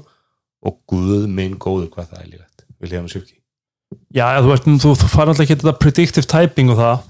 En það sem að pyrraði mig alltaf við Swiftki var sko, maður var svo oft að slá inn vittlust orð, af því að þú veist, þessi orðin sem að byrtast efst, sem þú mm. slærið inn þau fá öll jafn mikið pláss ef ég mann rétt, Já, í línunni. Mhm. að meðan orðið sem þú vilt hafa ætti raunin að vera með kannski 70% af plássinu og orð 1 og orð 3 já, já. ætti að vera með 30% saman. Að maður var ofta í ætla að velja orðið í miðjunni en íti síðan orðið hægra megin þannig að í staðin fyrir að segja misjamt þá skeiða maður óvart mismunandi eða eitthvað. Já. já og hvað var, að, hvað var orðið sem að hörður var eitthvað að pyrra sig yfir þarna sem að kom alltaf? Kímin, kímin já, um mitt. Hann, var, hann, hann ætlaði að vera komin en já, hann var bara hann var kímin. bara kímin sko. Já. eitthvað svona rugl það er nýr dagskarliður sem að ég heyrði fyrst í teknarpunum daginn já, þegar ég var ekki í teknarpunum mér finnst alveg frábær já, og skemmtilegur. Og eru spurningar á Twitter eða spurningar til teknarapsins já og sko sem eiga að vera á Twitter og já, TikTok og, já, við hérna náttúrulega auglustum eftir spurningum á Twitter. Já, því við, En- við erum gamli kallar og við, kunnum ekki á við kunnum ekki á TikTok. TikTok. Það er bara, það er bara allir allir allir með hérna derhún og svona aftur. Já, og hérna eh, Hersel, Herselbakbókan Já. fyrsta spurningin er frá góðvinni þáttar Magnúsi Hafliðarsinni sem er hvað, fórstjórið Dóminus eða ekki? Jú, heldur betur. Og er, hefur komið í þáttin allavega eins og ekki tvisar, jafnvel oftar uh, og mikill hlustandi víst. Uh, hann takkar já, takkar hann, já alla hérna Elmar og, og, og okkur þrá ef þú þurftir að skipta yfir í Android já, hann takkar ykkur uh, hvaða Mm. síma myndir þú velja og af hverju? Og við slum bara að byrja, Elmar, ef þú myndir skipta í Android já, já, ef þú myndir skipta úr Google úr Google, Já, úr, úr þú mættir Pixel ekki síma Já. Google hvað myndir þú kaupa þér? hvað myndi ég kaupa mér? ég myndi sennilega kaupa mér OnePlus síma OnePlus? Já. Það er svona- sennilega, það er svona með þá svona næstu næst þeirri upplifin sem ég kann vel við sko. Mhm. og fín tæki og aðgengilega og svona með flóta myndaðalega og Mhm. falleg ef þú serir, þetta er, þetta er atna, ég myndi sko ég myndi svona réttir svo því ég kefti flottaðala mína þá myndi maður fara í mikla rannsóknarvinnu. Og sko með með Samsung símana, veist, þeir eru náttúrulega kannski eiga vist að vera með svona bestir í allround myndavél, veist, ef þú vilt taka myndir og myndbönd. Þannig að það væri kannski svona einhver pæling þar. En þá ertu komið með það, þú veist, Samsung Pay er einhver fítur sem virkar ekki, sko. Þú veist, þegar maður vill kannski vera með Google Pay eða, veist, ég veit að maður getur notað uppin hjá bökkunum, sko. Getur ekki verið með Google Pay í Samsung? Jú, jú, þú getur Ah. það, þú getur það jú. En það er ekkert að fara en, með Google Pay en ekki bara hjá Íslandsbanka. Já, Já, en þú getur með Google Pay ekki Arion Pay já, já. er, er ekki þannig að, þú, að það sé samt eitthvað læst á að ég tvíklika á takkan í Samsung Nei, nei. Galaxy að það kemur bara Samsung Pay nei, nei, nei, þú getur, getur customæsa þetta allt saman. En maður vildi vilja geta fengið sko síma með úri líka sko þannig að maður geti samhætt þetta saman. Þannig að maður verði ekki bundin við eitthvað Fitbit eða Já. eitthvað sko. Og það náttúrulega hefur verið vandamálið hinga til að þanga til bara í síðustu viku síðustu viku að þá náttúrulega voru bara bankarnir með sín eigin upp í Android fyrir Já, greiðslur Já. og það var ekki úralust Nei, en nei. núna náttúrulega stendur þetta breytingar og, og Emitt, með Google Wallet. Já, að hérna Íslandsbanki sem voru síðastir í Apple Pay voru fyrsti, þau voru fyrst í, í, í Google Wallet. Já, og hérna en, en hérna mér skilst nú að Landsbankin og Arjón að fylgja fast á eftir. Já, já, og þá með grænu græna leið en ekki gula leið í, í, í, í greiðslu laust já, einmitt. Fyrir, svona, ef, fyrir þá sem ekki vita hvað það er að þá er gul leið svo að þú ert að slá inn kortaflýsingarnar inn í appið sjálfur. Já, en í grænu leiðinni að þá getur þú farið inn í bankappið og já, bæ, já það er til að bæ, bætt við veskið bara. Já, Já. nákvæmlega. Það er svona stóri munurinn já. Já, þetta er hérna sko þannig að þú farir í samrú Nei, nei, nei, nei, ég myndi ekki fara í Samsung. Ég myndi síðan á endanum fara í mitt Google Pixel sko. ég var einmitt þarna ég var að spá í því fyrra þegar sko þessi Pixel 5a sem var hann á 70 skall. Já. Veist, það var svona það ódýr að ég var svona að pæli að kaupa hann og nota hann sem svona primary device. Og ég, og ég var farin að hugsa þetta það langt að það er ok, hvað ger ég til að þvinga mig til að nota þennan síma sem aðalsíma? Já, ég þarf náttúrulega að selja iPhone-in minn þannig ég sé ekki með tvo sími í vasanum. En ég ásamt hérna iPhone 8 sem er eiginlega af því ég vil hafa kannski iMessage virt og ég vil geta nota Apple Watch. Veist, ég var komin á það leið að ég var sko búin að selja iPhone-in en ég var ennþá með úrið og það þarf þetta að vera tengt við síma þannig myndi vera með Pixel síma og Apple úr. En ég á hérna 6a sem ég get svinga á því í, fyrir, fyrir sko, ég, ég seti fyrir mig, fyrir mig. Þá annarkvort myndi ég vilja fara fyrir eitthvað ódýrt. Já. bara, þú veist, en mér er svo eins og ég mynd 5a síminn sko, 70 skall.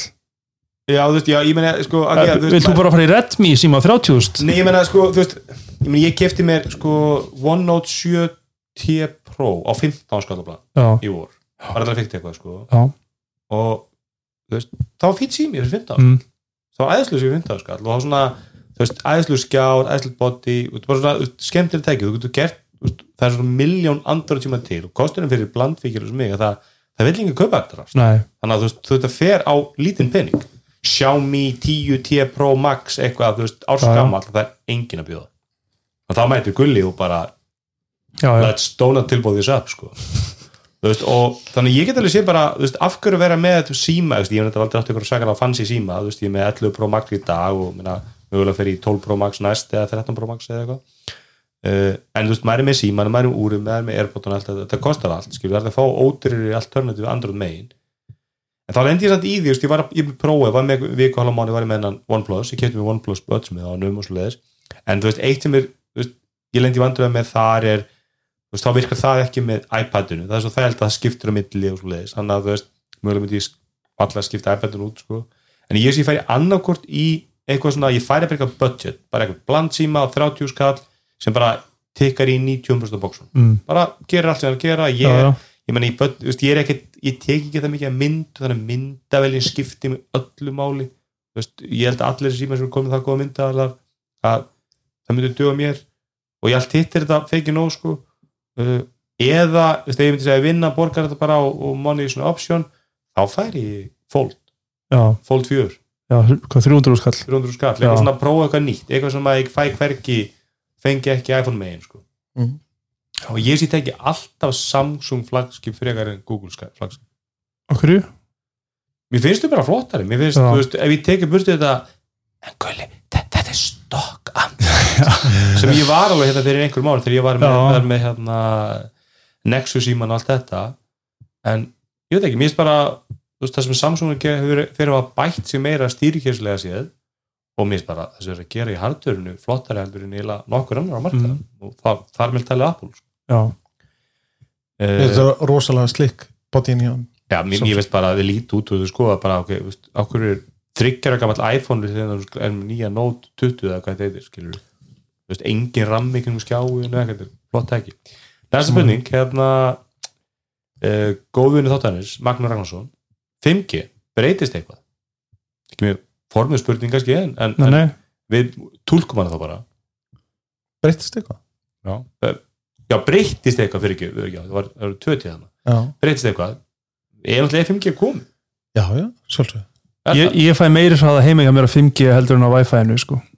Þú með, þú með hvað síma þú með? ég með iPhone 13 13, hann er komið 5D og finnur mikið mun? Veist, það er alltaf kannski einmitt, ég, ég svissa stundum yfir á veist, stökur sinnum yfir á 5G það því ef ég kannski ykkur veist, það sem að það sem að mess repeaterinn er gefa mér ekki jafn gott merki og ég hefði viljað. Og það hefði ég prófað að svissa yfir á 5G og það var náttúrulega bara, veist, en ég veit ekki hvort að skipti máli hvort það sé 5G eða 4G ég held að ég er ekki að á því, það myndur lótast ég pratt kannski bara við það að initiata nýja tengingu yfir á 130 megabitum eins og á 300 sko. Ertu á 5G núna? Tjöka það, um, ég er á 5G núna. Gerir speedtest. Sem gerir spítast Er þú 5G? Ég er ekki með 5G síma, þannig að það er bara það er ekki reyngað það sko. Ég er á Wi-Fi já, og, við erum alltaf, já, nú er ég að fá 270 niður. Já. sem er alltaf alveg fínast í hraði sko. Já. en ég er ekki veist, ég þarf ekki að reyka heimili með þessu sko. Ég, ég, ég hef alltaf verið á, á þessum vagnir sko að það breytist ekkert með 5G sko. Já, uh, eða, sest, það skiptir ekki alltaf máli það er ekki eins og veist, það, það er þjónu Sko, sem notar, ég menna ef ég fyrir YouTube að byrja í mínu 4G síma þá er það hálfa byrja að spila sko. mm, en þá ætla að vera bent á að það sem að breytist með 5G er náttúrulega bara tæknin á bakvið það sem leifir miklu fyrir tækja, Já. tengjast og það er breytingi sem sjáum ekki það að hraðin eitt og sé sé aðalatriði sko. Nei, sko, það, það er og nú rosalega kemur, mikið það er nú rosalega, kemur starfnaða mílu og og fræður okkur um 5G Nei, það, það, það sem er náttúrulega rosalega mikið verið einblín á af því að það er hægt að selja viðskipsnæðina það er það að þú getur farið úr í að vera að nota ná 100 megabitum niður á 4G símanuðinum yfir í að vera gigabit sko. Mhm. en staðrindin verður samt svo að fæstir þurfa gigabit í farsíma sinn og það er fæstir, alltaf engin gigabæt sko. aldrei. Og fæstir sko fæ, fæ, fæstir eru eitthvað endilega áskæfti því, þetta er bara tala sem er hægt að nota til að selja sko.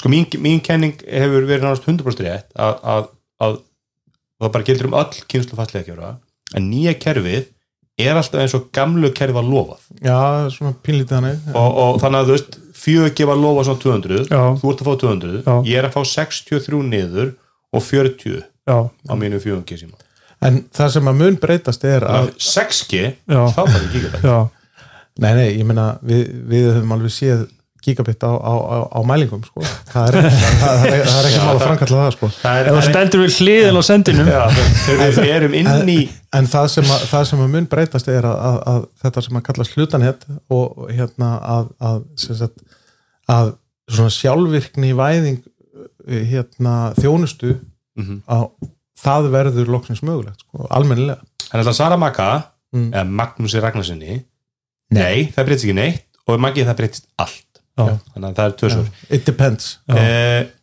Önnur spurningu frá Mag Magnúsi Hafleðis eru bara Magnús að senda ykkur já. uh, hann alltaf takaði mig sérstaklega þarna. Já, ég vil mætti bæta við uh, ef þú getur síma fartölu fyrir iPhone eða Mac iPad? Ég skil ekki alveg þessu spurningu. Hann er að, hann er, hann er að, hann er að, hann er að fiska. Ef að Elmar þyrft að fara í Apple-tæki Já, ef ég þyrfti að fara í Apple-tæki og skipta út þá annarkvort síma fyrir þess að sagt, það væri iPhone. beint að Elmari Ég skil og það væri þessi tæki. síma fyrir fartölvu? Nei, síma eða fartölu fyrir iPhone eða Mac iPad. Já. Já, ok, ef þú þurftir bara að kaupa þér iPhone og þú þurftir að kaupa þér Nei, hann lappar inn með Google Pixelbook tölunum sína Pixel síma sinn Já. og á borðinu eru Mac, iPad og sími já, og hann verður að skilja annan Google tæki eftir Ok, og taka Apple tæki með sér út. Hvaða iPhone síma kaupar þér og hvort myndur þú fara iPad eða MacBook? Nei, ekki, ekki hvaða Já, jú, já, jú, ég, ég er náttúrulega Það er myndi það alveg spurning. örgulega að fara þá í, í bara í iPhone 14 Max Pro Max, Ultra. Já. Pro Max Ultra. Já, me, Mega Techno bandið já og ég myndi Þú ert nú vanur að borga vel fyrir síman þú kaupar alltaf þess að Pixel síma gegnum einhverja krókalegar það er, kosta eins og, eins og Fold 4 Nei, nei, rólegur, næstu alveg rólegur. Pre-order þegar verðið er- allra dýrast. Þú verður, sko, þetta er náttúrulega áhuga spurninga því að þú verður alltaf að kaupa þér tölvu Já, sem myndir leysa hólmi Pixelbook hvað er hún? Pixel, Pixelbook. hún er bara Pixelbook, já sem er þessi samanbyrjóðarlega Pixelbook tölva sko, nú, sem nú er svona auka tölva Já, Þetta er það sko, ég, ég náttúrulega á ekki aðra tölvu heldur en þessa. Að Já. vinnan á, á hina töluna já, Já, meina, þú, þú ert áfram með hana þannig að þú Já. værir að kaupa þér svona aukatæki. Já, hvort myndir þú kaupa þér MacBook eða iPad? frekar en iPad? Ég myndi gera ég myndi, ég myndi, kaupa, ég myndi bara kaupa að MacBook Air. ég myndi kaupa með MacBook Air M1 bara, veist bara einhverja standard, þægilega. Þú ert svo boring, þú myndir kaupa þér ódýra tölvu þú myndir ekki já. það. Var í M2 og bara ég myndi út af því ég er ekki að borga krónu fyrir þetta en hins vegar ef að ég því að að Magnús stendur þetta með byssun og hann ætlar að borga. En ef að ég, ef að ég þurfti að skipta út vinnutölunum minni, Windows-tölunum minni sem að gæti náttúrulega orðið svolítið erfitt að því að bara Enterprise umhverju er bara þannig að það getur verið erfitt og, og hérna IT deildir vilja það ógjarnan en þá myndi ég alltaf fara bara í Mac Pro 14 Svo er margir sem halda, ég er mjög oft kallaður Apple fanboy, ég er oft með kallaður svo Mac, sérst, þú ert Mac-akall sko. ég vil aldrei átt Apple 12 venninu ráðið, þú veist, ég eiga kannski fjóra Apple 12 síðustu fimm árum en ákvæmst að bila ég að selta fljótt aftur sko. já, já. Að með þess að ég sagði við Gulla þegar hann kefti þessa tölvu þá sagði ég nú áttu þessa tölvu í að minnsta kosti ár. Svo Apple 12 sem ég notaði hvað lengst það var þessi 15 tómi 2011 MacBook Pro. Og ég vann svolítið á hon, henni. Já, nú er ég með sérst, M þetta er bara tölva sem að, veist, við erum að eiga ymsar tölvu sem er gilda sem hlutur ekki auka tölvur fyrir mig þegar vinnu tölvur fyrir vinnu þetta er tölvur kona sem fær ekki tölvur fyrir vinnuna því að landsböndur vill ekki skaffa 10.000 helbriðstæð sem er fartölvu og hérna og þú veist, fínt eitt sem ég fílaði stölu, þetta er tölva sem ég á sem er geðu ekki rafluð og ég fæði vinnu fæði út og bara Já. þessu tölvu, hún bara, hún mun duga mér tíu tíma flug vandræða löst sko. en ég hef bara að segja það mér finnst verra að vinna makka verra. Ég meni ég er búin að prófa að vinna þessari tölu og mér finnst bara það er svo margt með vindur mögulega er það bara hlutið svona muscle memory og, það er, það er En- alveg örglega það sko. en, en, en líka bara mér finnst margt með hvernig Windows er uppsett bara að vinna í gluggum í Windows Já. og mér finnst það bara betra. Það kannski meinir Það þótt þú sérst að vinna bara í browser umhverfi á báðum, báðum stýrikjörum svona litli hlutur. Og svo finnst mér Microsoft lausnunar já, marga bara sorpa á, á Windows ég bara á, já, á, á, á, á ég var- sko. ég var að vinna ykkur Word skjali og það bara krassaði, ég bara man ekki hvernig Word krassaði síðast á Windows hvenar krassar Word á ég, ég man ekki eftir því sko. Eftir því. Veist, þannig, þannig að bara strax á svona og Teams er svona Mm. meira buggy á Mac. en sko það, það er þetta sem ég er að segja. Þegar þú ert að vinna inn í enterprise umhverfi þá er bara Microsoft lausnir eru bara góðar enterprise lausnir og þær eru bara, og þær bara virka á Windows. Og ég er bara tutur hraður Windows og náttúrulega nota ég Fancy Zone svo ég hef ekki fundið neitt eða, sest, sem það heitir hluti af hvað er Power, Power Toys. Power Toys frá Microsoft sem er með sest, Fancy Zones. Og ég hef ekki fundið neitt á Mac sem getur replacea það fyrir mig. Nei. þannig ég er ekkert eitthvað og ég hef alltaf sagt það sko, ég hef sagt það sverri að það sem ég eiginlega, þú veist ég gleym alltaf á milli Apple 12 já, hvað ég er eitthvað svona ah, jú, þú veist, þetta er meira smúð en breytist ekki, þetta er ekkert eitthvað svona og mér finnst þetta eitt bjöstu ég myndi nota meira eða nú erum við tölvi hilli frá skjáin og airpodanir, bara sambandi við tölvun er ekki nógu gott, mm. tölvun er alltaf lokur hérna sko. Mm. og ég var bara lendið að það var ekki, signalu var miklu verra heldur en í iPadum þannig að ég var var að nota airpodan þá kom svona einhverju skurningar og læti sko, samt sæti ég bara hálfa metri á tölvun sko. Þannig að nákvæmlega. Ég veit ekki en við þurfum þá að skipta já, já. Í hvort skipti ég úr PC eða Mac? Þetta er alveg flókisvar fyrir mig. Já, ég, Sverri, þú er þú undar Mac að maður út í gegn. Mm ert með Apple tat- tattoo og -hmm. svona tár Tár, Epli. eplatár Apple tár. Fyrir alla töluna þú sem er ég að átt. köpa þér Windows bara Windows spjaltölu, Windows síma og Windows hérna, ekki Windows síma fyrir- Og Android síma. Android síma, við erum bara að svara því þú myndir fá þér Windows 12 og, og eitthvað Android spjaltölu eða eitthvað spjaltölu, hvað myndir þú köpa þér? Ég veit ekki hvað andra spjaldur eru til sko.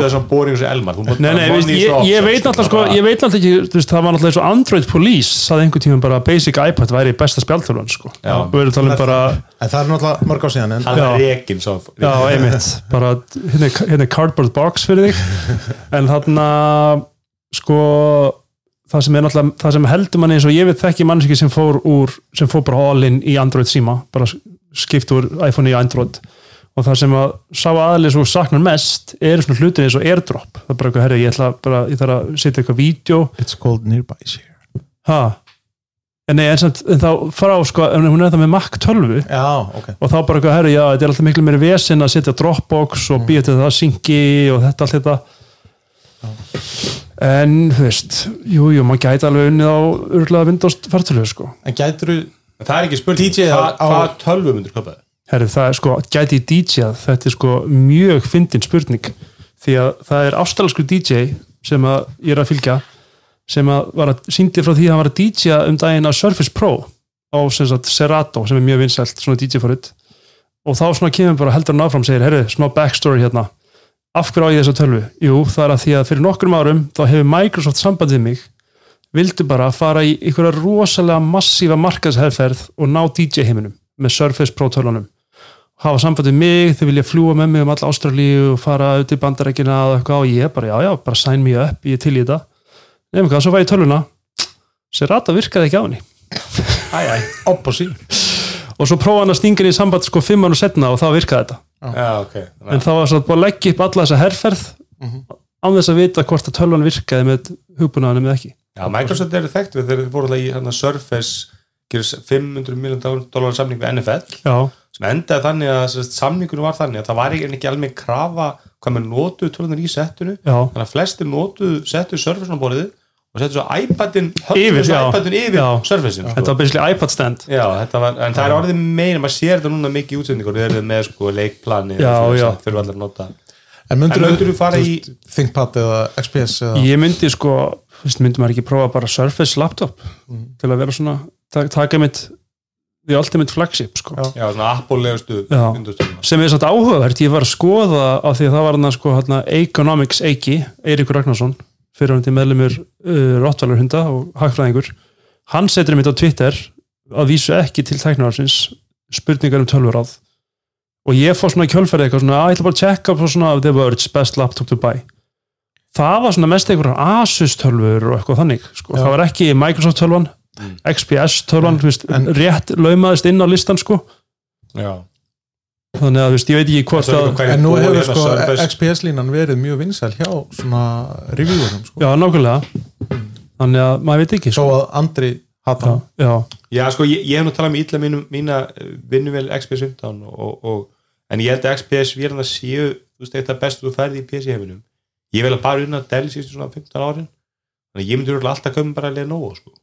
Já, ég er það var liðna á Dell, að veist Dell ekki Dell, tölur sem er með, er eitthvað vesen, nú erum við nýja vinnuvel það er strax einhverju póstar, það er einhverju böggar, þú veist, glæni vél, þú veist, og þetta er ný sko, þetta er nýjasta útgáfana þessari vél. Mhm. það er alltaf, það tekur alltaf del svona ára að laga allar bíóspökkarna sko. Já.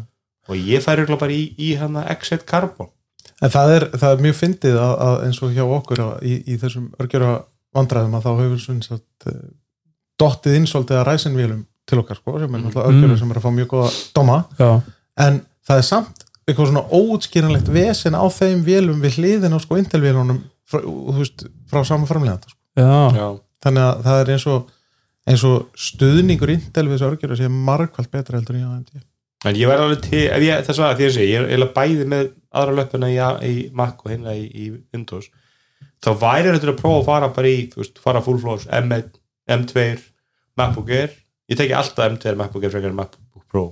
Já, það er alltaf vilja léttari vél með, þú veist, þinnur og léttari vél Já, ég, er ég, myndi alltaf velja bara portin sko. og hérna ég noti engin port þannig að Mm. skiptir Þannig að ég tengi með einni snúru við dákinu inn og það er alltaf tengt það sko. Og hérna og núna en er ekki sko, vesen að tengja við dokk jú, svo er það reyndar alltaf eitthvað en það er ekki, mér að þessi með vél hún tengist við dokkuskjáin, del dokkuskjáin vandur að laust, Já. ekkert vesen sko. En hérna uh, þá myndi ég bara fara í M2 512 24 gig bara all-in Já. af því að maður gera borga Já. það eru fleiri spurningar hérna Tómas Jóhansson Tómas Jónsson hvað segir hann? Google Pixel 6, yay or nay Uh, ég myndi segja nei ég veit ekki hvað hva, hver er Pixel 6, hvað er það? Er það nýjasta? já það er sem, sem kom í fyrra minni útgáðan mynd, Allt, alltaf taka hann. Ég er með próútgáðana All, Allir eru samanlega að taka hann. Ég myndi, já, ég myndi segja nei ég myndi þá segja 6A núna í okkur blikinu. Mm. Frekar en 6 já, ég myndi gera það. Nei, það er bara 100 dólar aukala, ekki? Jú. Og þú fær nýja nörgjóra. Ha, nei, Nei, nýja mynda vil segja já, Alltaf taka 6 betri ráfinandi á hinnum Alltaf 6 Á 6A. vegna 6A Mm. Og þá verður sko munurinn úr 6 í 6 Pro Hann var alveg 50% Það var 300 dólar eða eitthvað. Það var eh, 200 dólar minni en, en, Var ekki 600 og 900? já, það getur verið. Þú veist, 599 og 899 það er svo langt sér Mi- minni það. Og, og ég, ég, við, við tókum ykkur um, um þá. Já. við varum bara sex Já, var se- sweet spot. 6 var í, var, var, var í þælir staðir Já. veist, og, og hérna 6 Pro er náttúrulega rosalega stór. En hérna e, 6A er aðeins minni líka. Svona þælir, léttari og eitt náttúrulega með allar sumrið svo mjáðan er náttúrulega bara líka að Airpodinu skipta máli.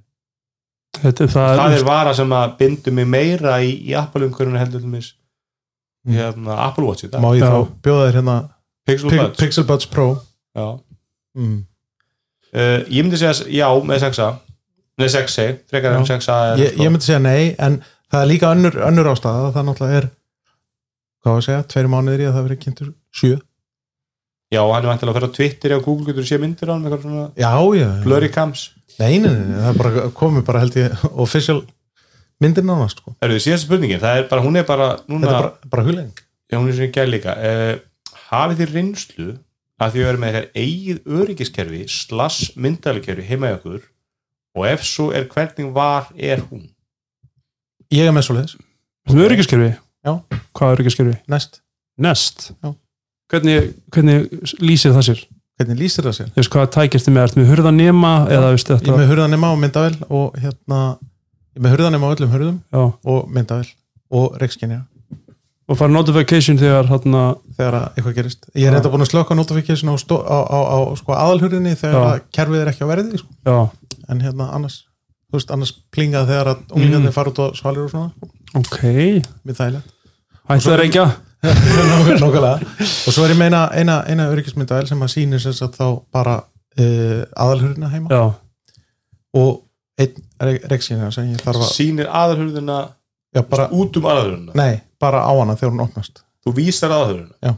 Ertu með myndarlega inni eða úti? inni. Já, Já, okay. þannig, að þú, þannig að þú bara þegar börnum kom heim færði þá notification í síma nei, ég er ekki með stilt hana, ég get stilt það sko. ég var lengi að pæla að koma mér hann á Waze sem var mjög góð Já. að hugmyndi gera ekki þeir eru búin að vera að hakka það svo mikið að, þú það væri, en þá er ég myndi að pæla að byrst, nei, er það ekki Wise? Vaff, Uslon, Jú, seta E Wise. gera Wise. Já, Waze er sko GPS-forriti sem að Google kipti alveg Wise Vaff, e, já, e, e, svo ný e, og ég myndi bara beina út úr hörunni og fá bara videosnapp þegar hvernig kom heim Já. og hvernig kom hann heim.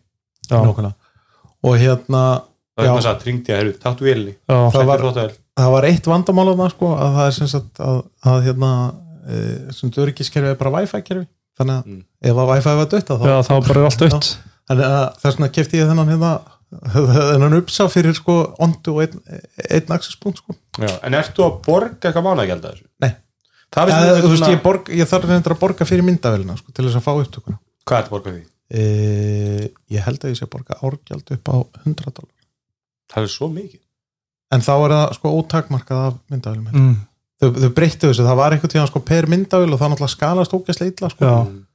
Og þau Það er breyttu samt dýrt, 100 dólar á ári 10 dólar á manni ég borga 200 dólar fyrir NFL Game Pass. Já, það er mynda þetta er, þetta er svona ég hef engan áhuga á NFL Þetta er, svona, þetta er svona different schools of thought. Það er sumir sem hafa kipt sko, svona myndavelar þar sem þú getur hýst efnið locally. Mhm. og þá ertu með eitthvað NAS þú veist, þá ertu komið með eitthvað starkkostna náttúrulega upp á 80 skall. En á móti kemur þá ertu aldrei að borga.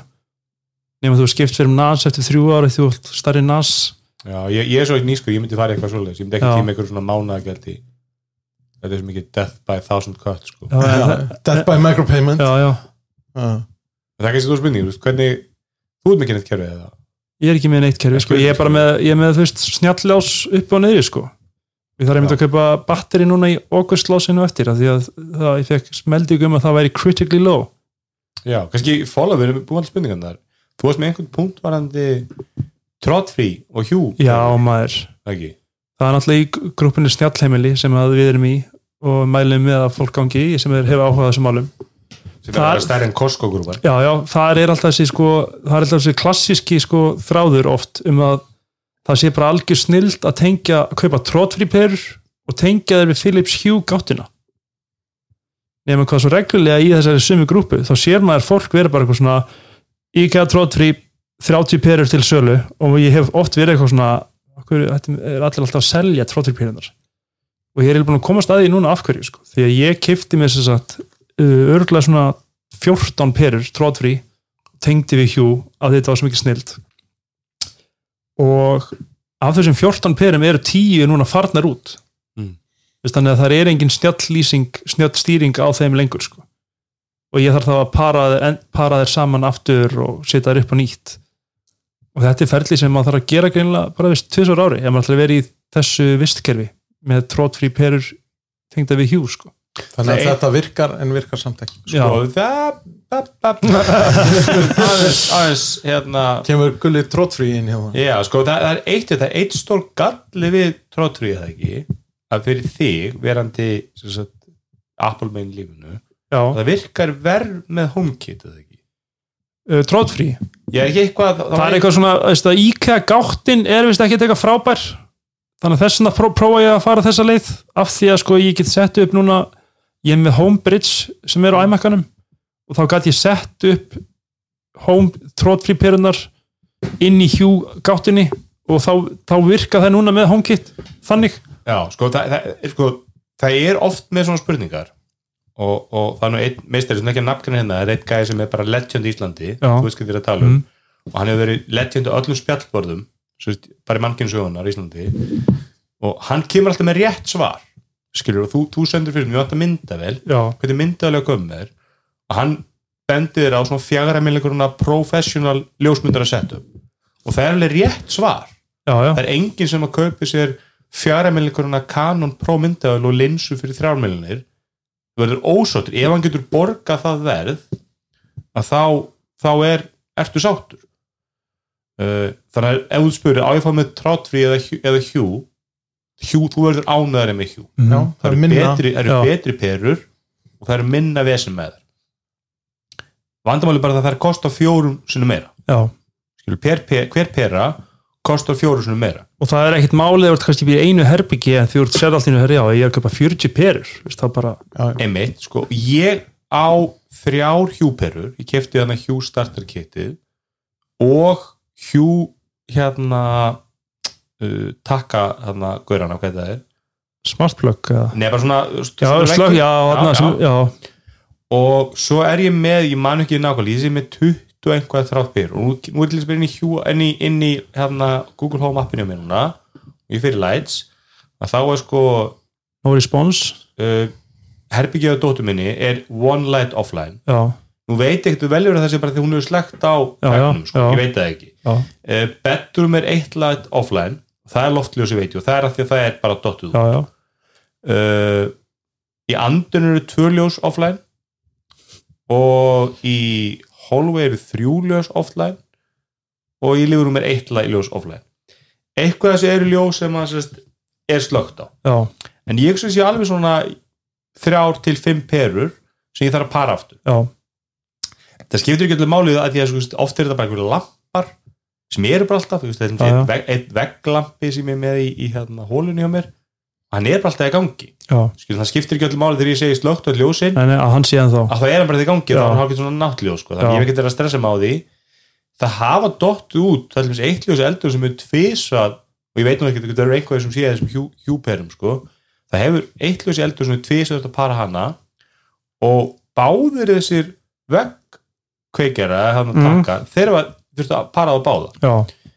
Uh, þannig að þú veist jú, ég myndi segja að Trottree er með meira vesen já, en það er ekki þannig að Hughes ég ekkert vesen Nei, alls ekki sko, þú veist það er ekki, allir ekki mín upplifun sko. En ég er náttúrulega hjúperu sem var bara dáið líka alveg. Það er bara, sem þetta henda sko. já, ég, hef- ég, hef lent- ég hef ekki lendið með hjúpur, það eru allar í lífi en það, ég hef lendið með Trottree purur og það er bara Já. hægt að virka. Já, það sem ég þarf að gera þegar minn átti sig á sem sagt, hvern, hvernig ég laga þetta. Ég tek perun úr sokketunum, ég byrja á að enduræsina með að gera held ég sexinum upp og þessu slökk og já kveikja. en mjög nálægt brunni þú veist að vera nei, nei, sko, nei, ég slekk bara á já, vegnum já, bara slekk eitthvað sexinum já, og þá er hún Það er hún já, svo tek ég bara perun úr Já. og ég er með svona bara 10 cm svona skott já, sem er bara í, bara með perustæð við hliður að hjúbrúni skrúa hann í og svo er ég með appi iPadunum til að para og þetta, og ég hef ekki tekið eftir í að perur það þetta virðist til þetta random hvenar það er Svo þetta er ekki þannig að ég hef einu sem tekið það sama peran þegar að para hana tvisvar eða eitthvað ég ger þetta svona tvisvar ári sko. ég ger þetta síðast heldur í jólin eða eitthvað. Ég meina, mér sínst þetta vera bara nokkuð, þú kom með nokkuð gott hérna, hérna, góð rútina á þetta, veran- verandi með skott við hlýðin Já, ég veit það. en gott var kannski meira bara þegar ég er að para þær í fyrsta skipti þá þarf það að gera það hlinabrúnni og þá var það svolítið vesen að sækja ykkur lampa á eitthvað en ég fór bara að kefti mér og ég er með þess að með sko skott og svo er ég með svona sett sko E14 og E14 og líka hann að tvekja pinna kastaraperðunar G27 já, kefti ég að vinni mínu í Smith og Norland það kefti Já. ég svona millistíkir er það G10 eða eitthvað Jú, tíu, guð tíu, Já. já. Þannig að þetta er alveg þegar maður parið fiskir. Ég ætlum með fjórar GU10 perur á ganginum sem að já, 713 hafa aldrei dottuð út sko og með þrjár í lampi í stofunni aldrei dottuð Mhm. út ég var til að heyra frá einhverju sem er með 30 hjúper já, einmitt. Eru þær að, þú veist, e, Já. e, ef að er það ég líka dætt út eða ekki? Ég meina, ég er að borga 1300 kall já, fyrir stikkið að þráttripum þú veist, að ég vil ekki til þess litabir ég meina, ef það eru tvær litabir með heimli inn í, inn í dóttur minn elstu krakkarnar er svolítið byggðum það ég hef engan áhuga að vera með staðar. Ég er ekki meðldólgur sko ég, það er einmitt þarna litapera hjá Hastinni sko, hann vill alltaf velja litin þegar hann fer að sofa sko, svo fyrir maður Já. fram og þá velur hann eitthvað bláan eða rauðan og eitthvað já, svona krakkarnir fílaði þetta ég. Já, ég verð að kaupa bara að beisa ég, ég er ill með, svona frekar kremaða byrtu mhm, og þú stýri líka svolítið kreminu með því þú veist, að þú ert já, með já, veist, þannig að ég, veist, ég er enda alltaf þar, ég tók þetta í hjúper, ég var alltaf í þessum kremaða lit hvað sem er. Þannig að þú veist, að fara í þessar sem þú varst með stærri til sko, bara með föstum lit svona einhver kremaði litur. Já, já.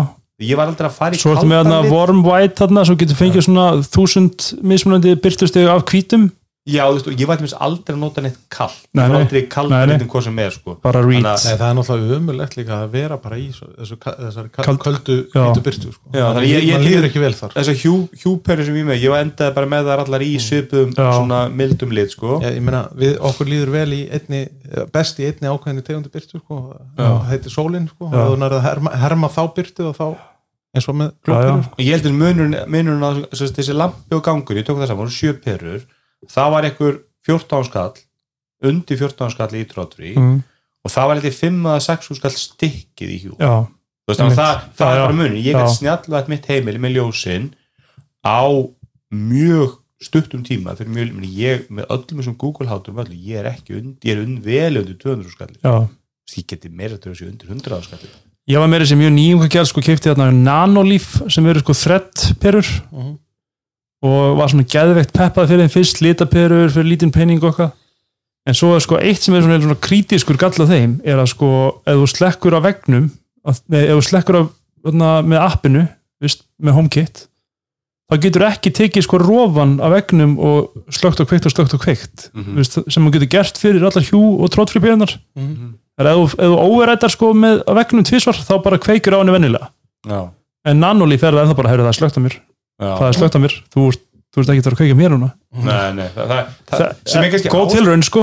það er kannski ástæðan fyrir sko, ég, kannski líka bara svolítið heppir að það er per sem hafa dáið já, hafa verið per sem skipti ekki til máli veist, ef við væri með náttborðið mitt þú veist, við erum með að náttborðlampa ég og konan og þær perur hafa aldrei klikkað. Mm. það er svona, þetta er ekki þær eru með svona glæra, svona retro já retro veist, og það er þess borgaði sko 1500 íkvæðperun og ég held að sé 8 skall já, hjúperan Já. sko. það er þetta mjög fallegri en veist, það er samtalið Já, 16 já. skall eða 30 skall og hérna ég, ég man ekki til neinu ljósi sem hefur pyrrað mig að væri dotti daginn tók eftir að það var dái ljósið í stofun, sérst yfir sófa þú veist, sófaborðinu þú veist, kringu sófana og svo leis og þar var ég mitt bara slögt á vegnum einhver hafði slögt þar, yfirleitt hefur þetta verið þannig sko, en ég geti trú að af þessum 5 eða 6 ljósum eru úti núna eru helmingur en bara því það er búið að slökk á vegnum sko. Já, og þetta hafa alveg verið lampar. Þetta eftir, aðalega verið einhverju lampar sem eru og þá deyja þær ekkert, heldur þú bara hættar að taka við signalinu. Mm. og þannig ég, veist ég er ánæðri að þurfa að gera þetta til svo ári og ég er ekkert þessum ég var í algjörlega stikkri að því eins og ég segi þessar hjúperur sem ég, það, ég hef þurft að para eina peruna tvisvar og ég þurft að para báða þessa, þessa takka tvisvar þannig að ég er ekkert þessum ég var með 30 ég manni ekki hverju marga perur, ég sem er 25 perur eða eitthvað að ég væri eitthvað bara er fullkomið ég væri hjú þannig að það er gaman að heyra eitthvað sem er með mjög stórt hjú setup já, já. Já. sem að, sem að því að sko það er ekkert máli ef að þrjár hjúperur haldast inni sko er ekki minnst talað um að Hugh brúin hver takið svona 40 ljós þannig að eftir það þurfur að reyna að bæta við brú Já, í skjótinni ég með hjúbrú sko. já, einmitt ég fór þá leið sko. já, og hérna, mælt, það var sagt mér að það væri besta lausnum Já. sko. þannig ég fylgdi því bara og hefur ekki verið verið vandamál en, en, en, en hérna og þú veist, ég segi Google að, að slökka og kveikja Mm. þú veist, og ég með rútinur allu og, og það bara vir, virkar mjög vandræða lust sko. uh, en, en, en eins og ég segi nú, það var einmitt á tútu listunum helgin að laga þessar 5-6 perur sem eru eru hérna til vandræða sko. þannig að svarið þessu er að já nei þetta var ekki spurning þetta var bara þetta voru hugleðingar þetta voru hugleðingar Já, sko. þannig að þú ætlar að skipta öllu yfir í hjú þú veist, það kemur bara ég, með, ég held ég mér svona hægt og bítandi færa mig yfir í hjú sko, út, út frá þessu sko. Já. að því, veist, hjá mér var þetta þannig að það fóru sex perur í einu sko, bara eldúsið bara eins og að laði sig veist, sem svona tveir kastarabrautir bara fóru ég, er að elda í myrkri, hvað? já, og ég segi bara því ég segi já, slögt öll ljósi niðri þegar ég ætla að horfa eitthvað að þá bara já, já, eldúsið er ennþá náttúrulega það er allt kveikt. Já, sko, ég hins vegar, verandi mjög nísku Já. nenni engu vesinn já, þannig ég væri lungum og skipta öll út já, annarkoð byrja velja perur já, eða, eða, eða fara bara í hjú auka auka innleðingan í hjú mín heimili. Ef þetta væri að pyrra mig, ég væri að lendi í eins og einhverju lömpum eða ljósum sem ættu að virka og er Já, alltaf já. að detta út þannig að veist, ég skil vel að það, ef maður lendi í því, þá var ég mynd bara að frétta og verður að gera að þeir voru komið nýjar svona flottar perur. Já, retro perur ég, hvað heita, það? light guide. Já, já, svona stóra, þetta er mynd fyrir þessa lampa sem að peran á að sjást. Mhm. Það er engin verð, já 70 dólara að they are er expensive var sagt þetta er sko. svona 10 til 15 skona perur en Já. það er mjög fallegar. Og það eru með all, alla lita perur það er nú bara það fallegar að mennur hérna bara í myndinu með það bara stakar, ekki með bara í svona rússa eins og kallast. Já. en það er rasist, það kalla, nei, nei, kalla svona Nei, nei, nei. ég, ég veit það ekki. Svo maður er alltaf að Í- að bæta sig. í strí, stríðinu þá má líka má, má, it's okay to punch a nazi þannig. er magni herði, erum við ekki bara góður í dag? ég held að þetta sé bara, Ég held til ég já, bara hvað hva, hva erum við langir? Við erum, við erum, við erum eins og bara sæmulega hasarmynd, við erum með 100 mínútur. Já, vel gert, hérna svo byrju hvað næstu viku? Næstu vika er svona special edition þáttur. Ég veit ekki að það er- er eitthvað eins og mann, ég veit ekki, við ætlum ekki lónum Nei. að mögulega verður, að verður þáttu næstu viku allavega. Og það næstu viku er náttúrulega Apple verður. Já, og það mun, eins og þú sagðir á Apple mun finna upp Pencil kamera. Já. Takk til næst, takk fyrir. Takk. Takk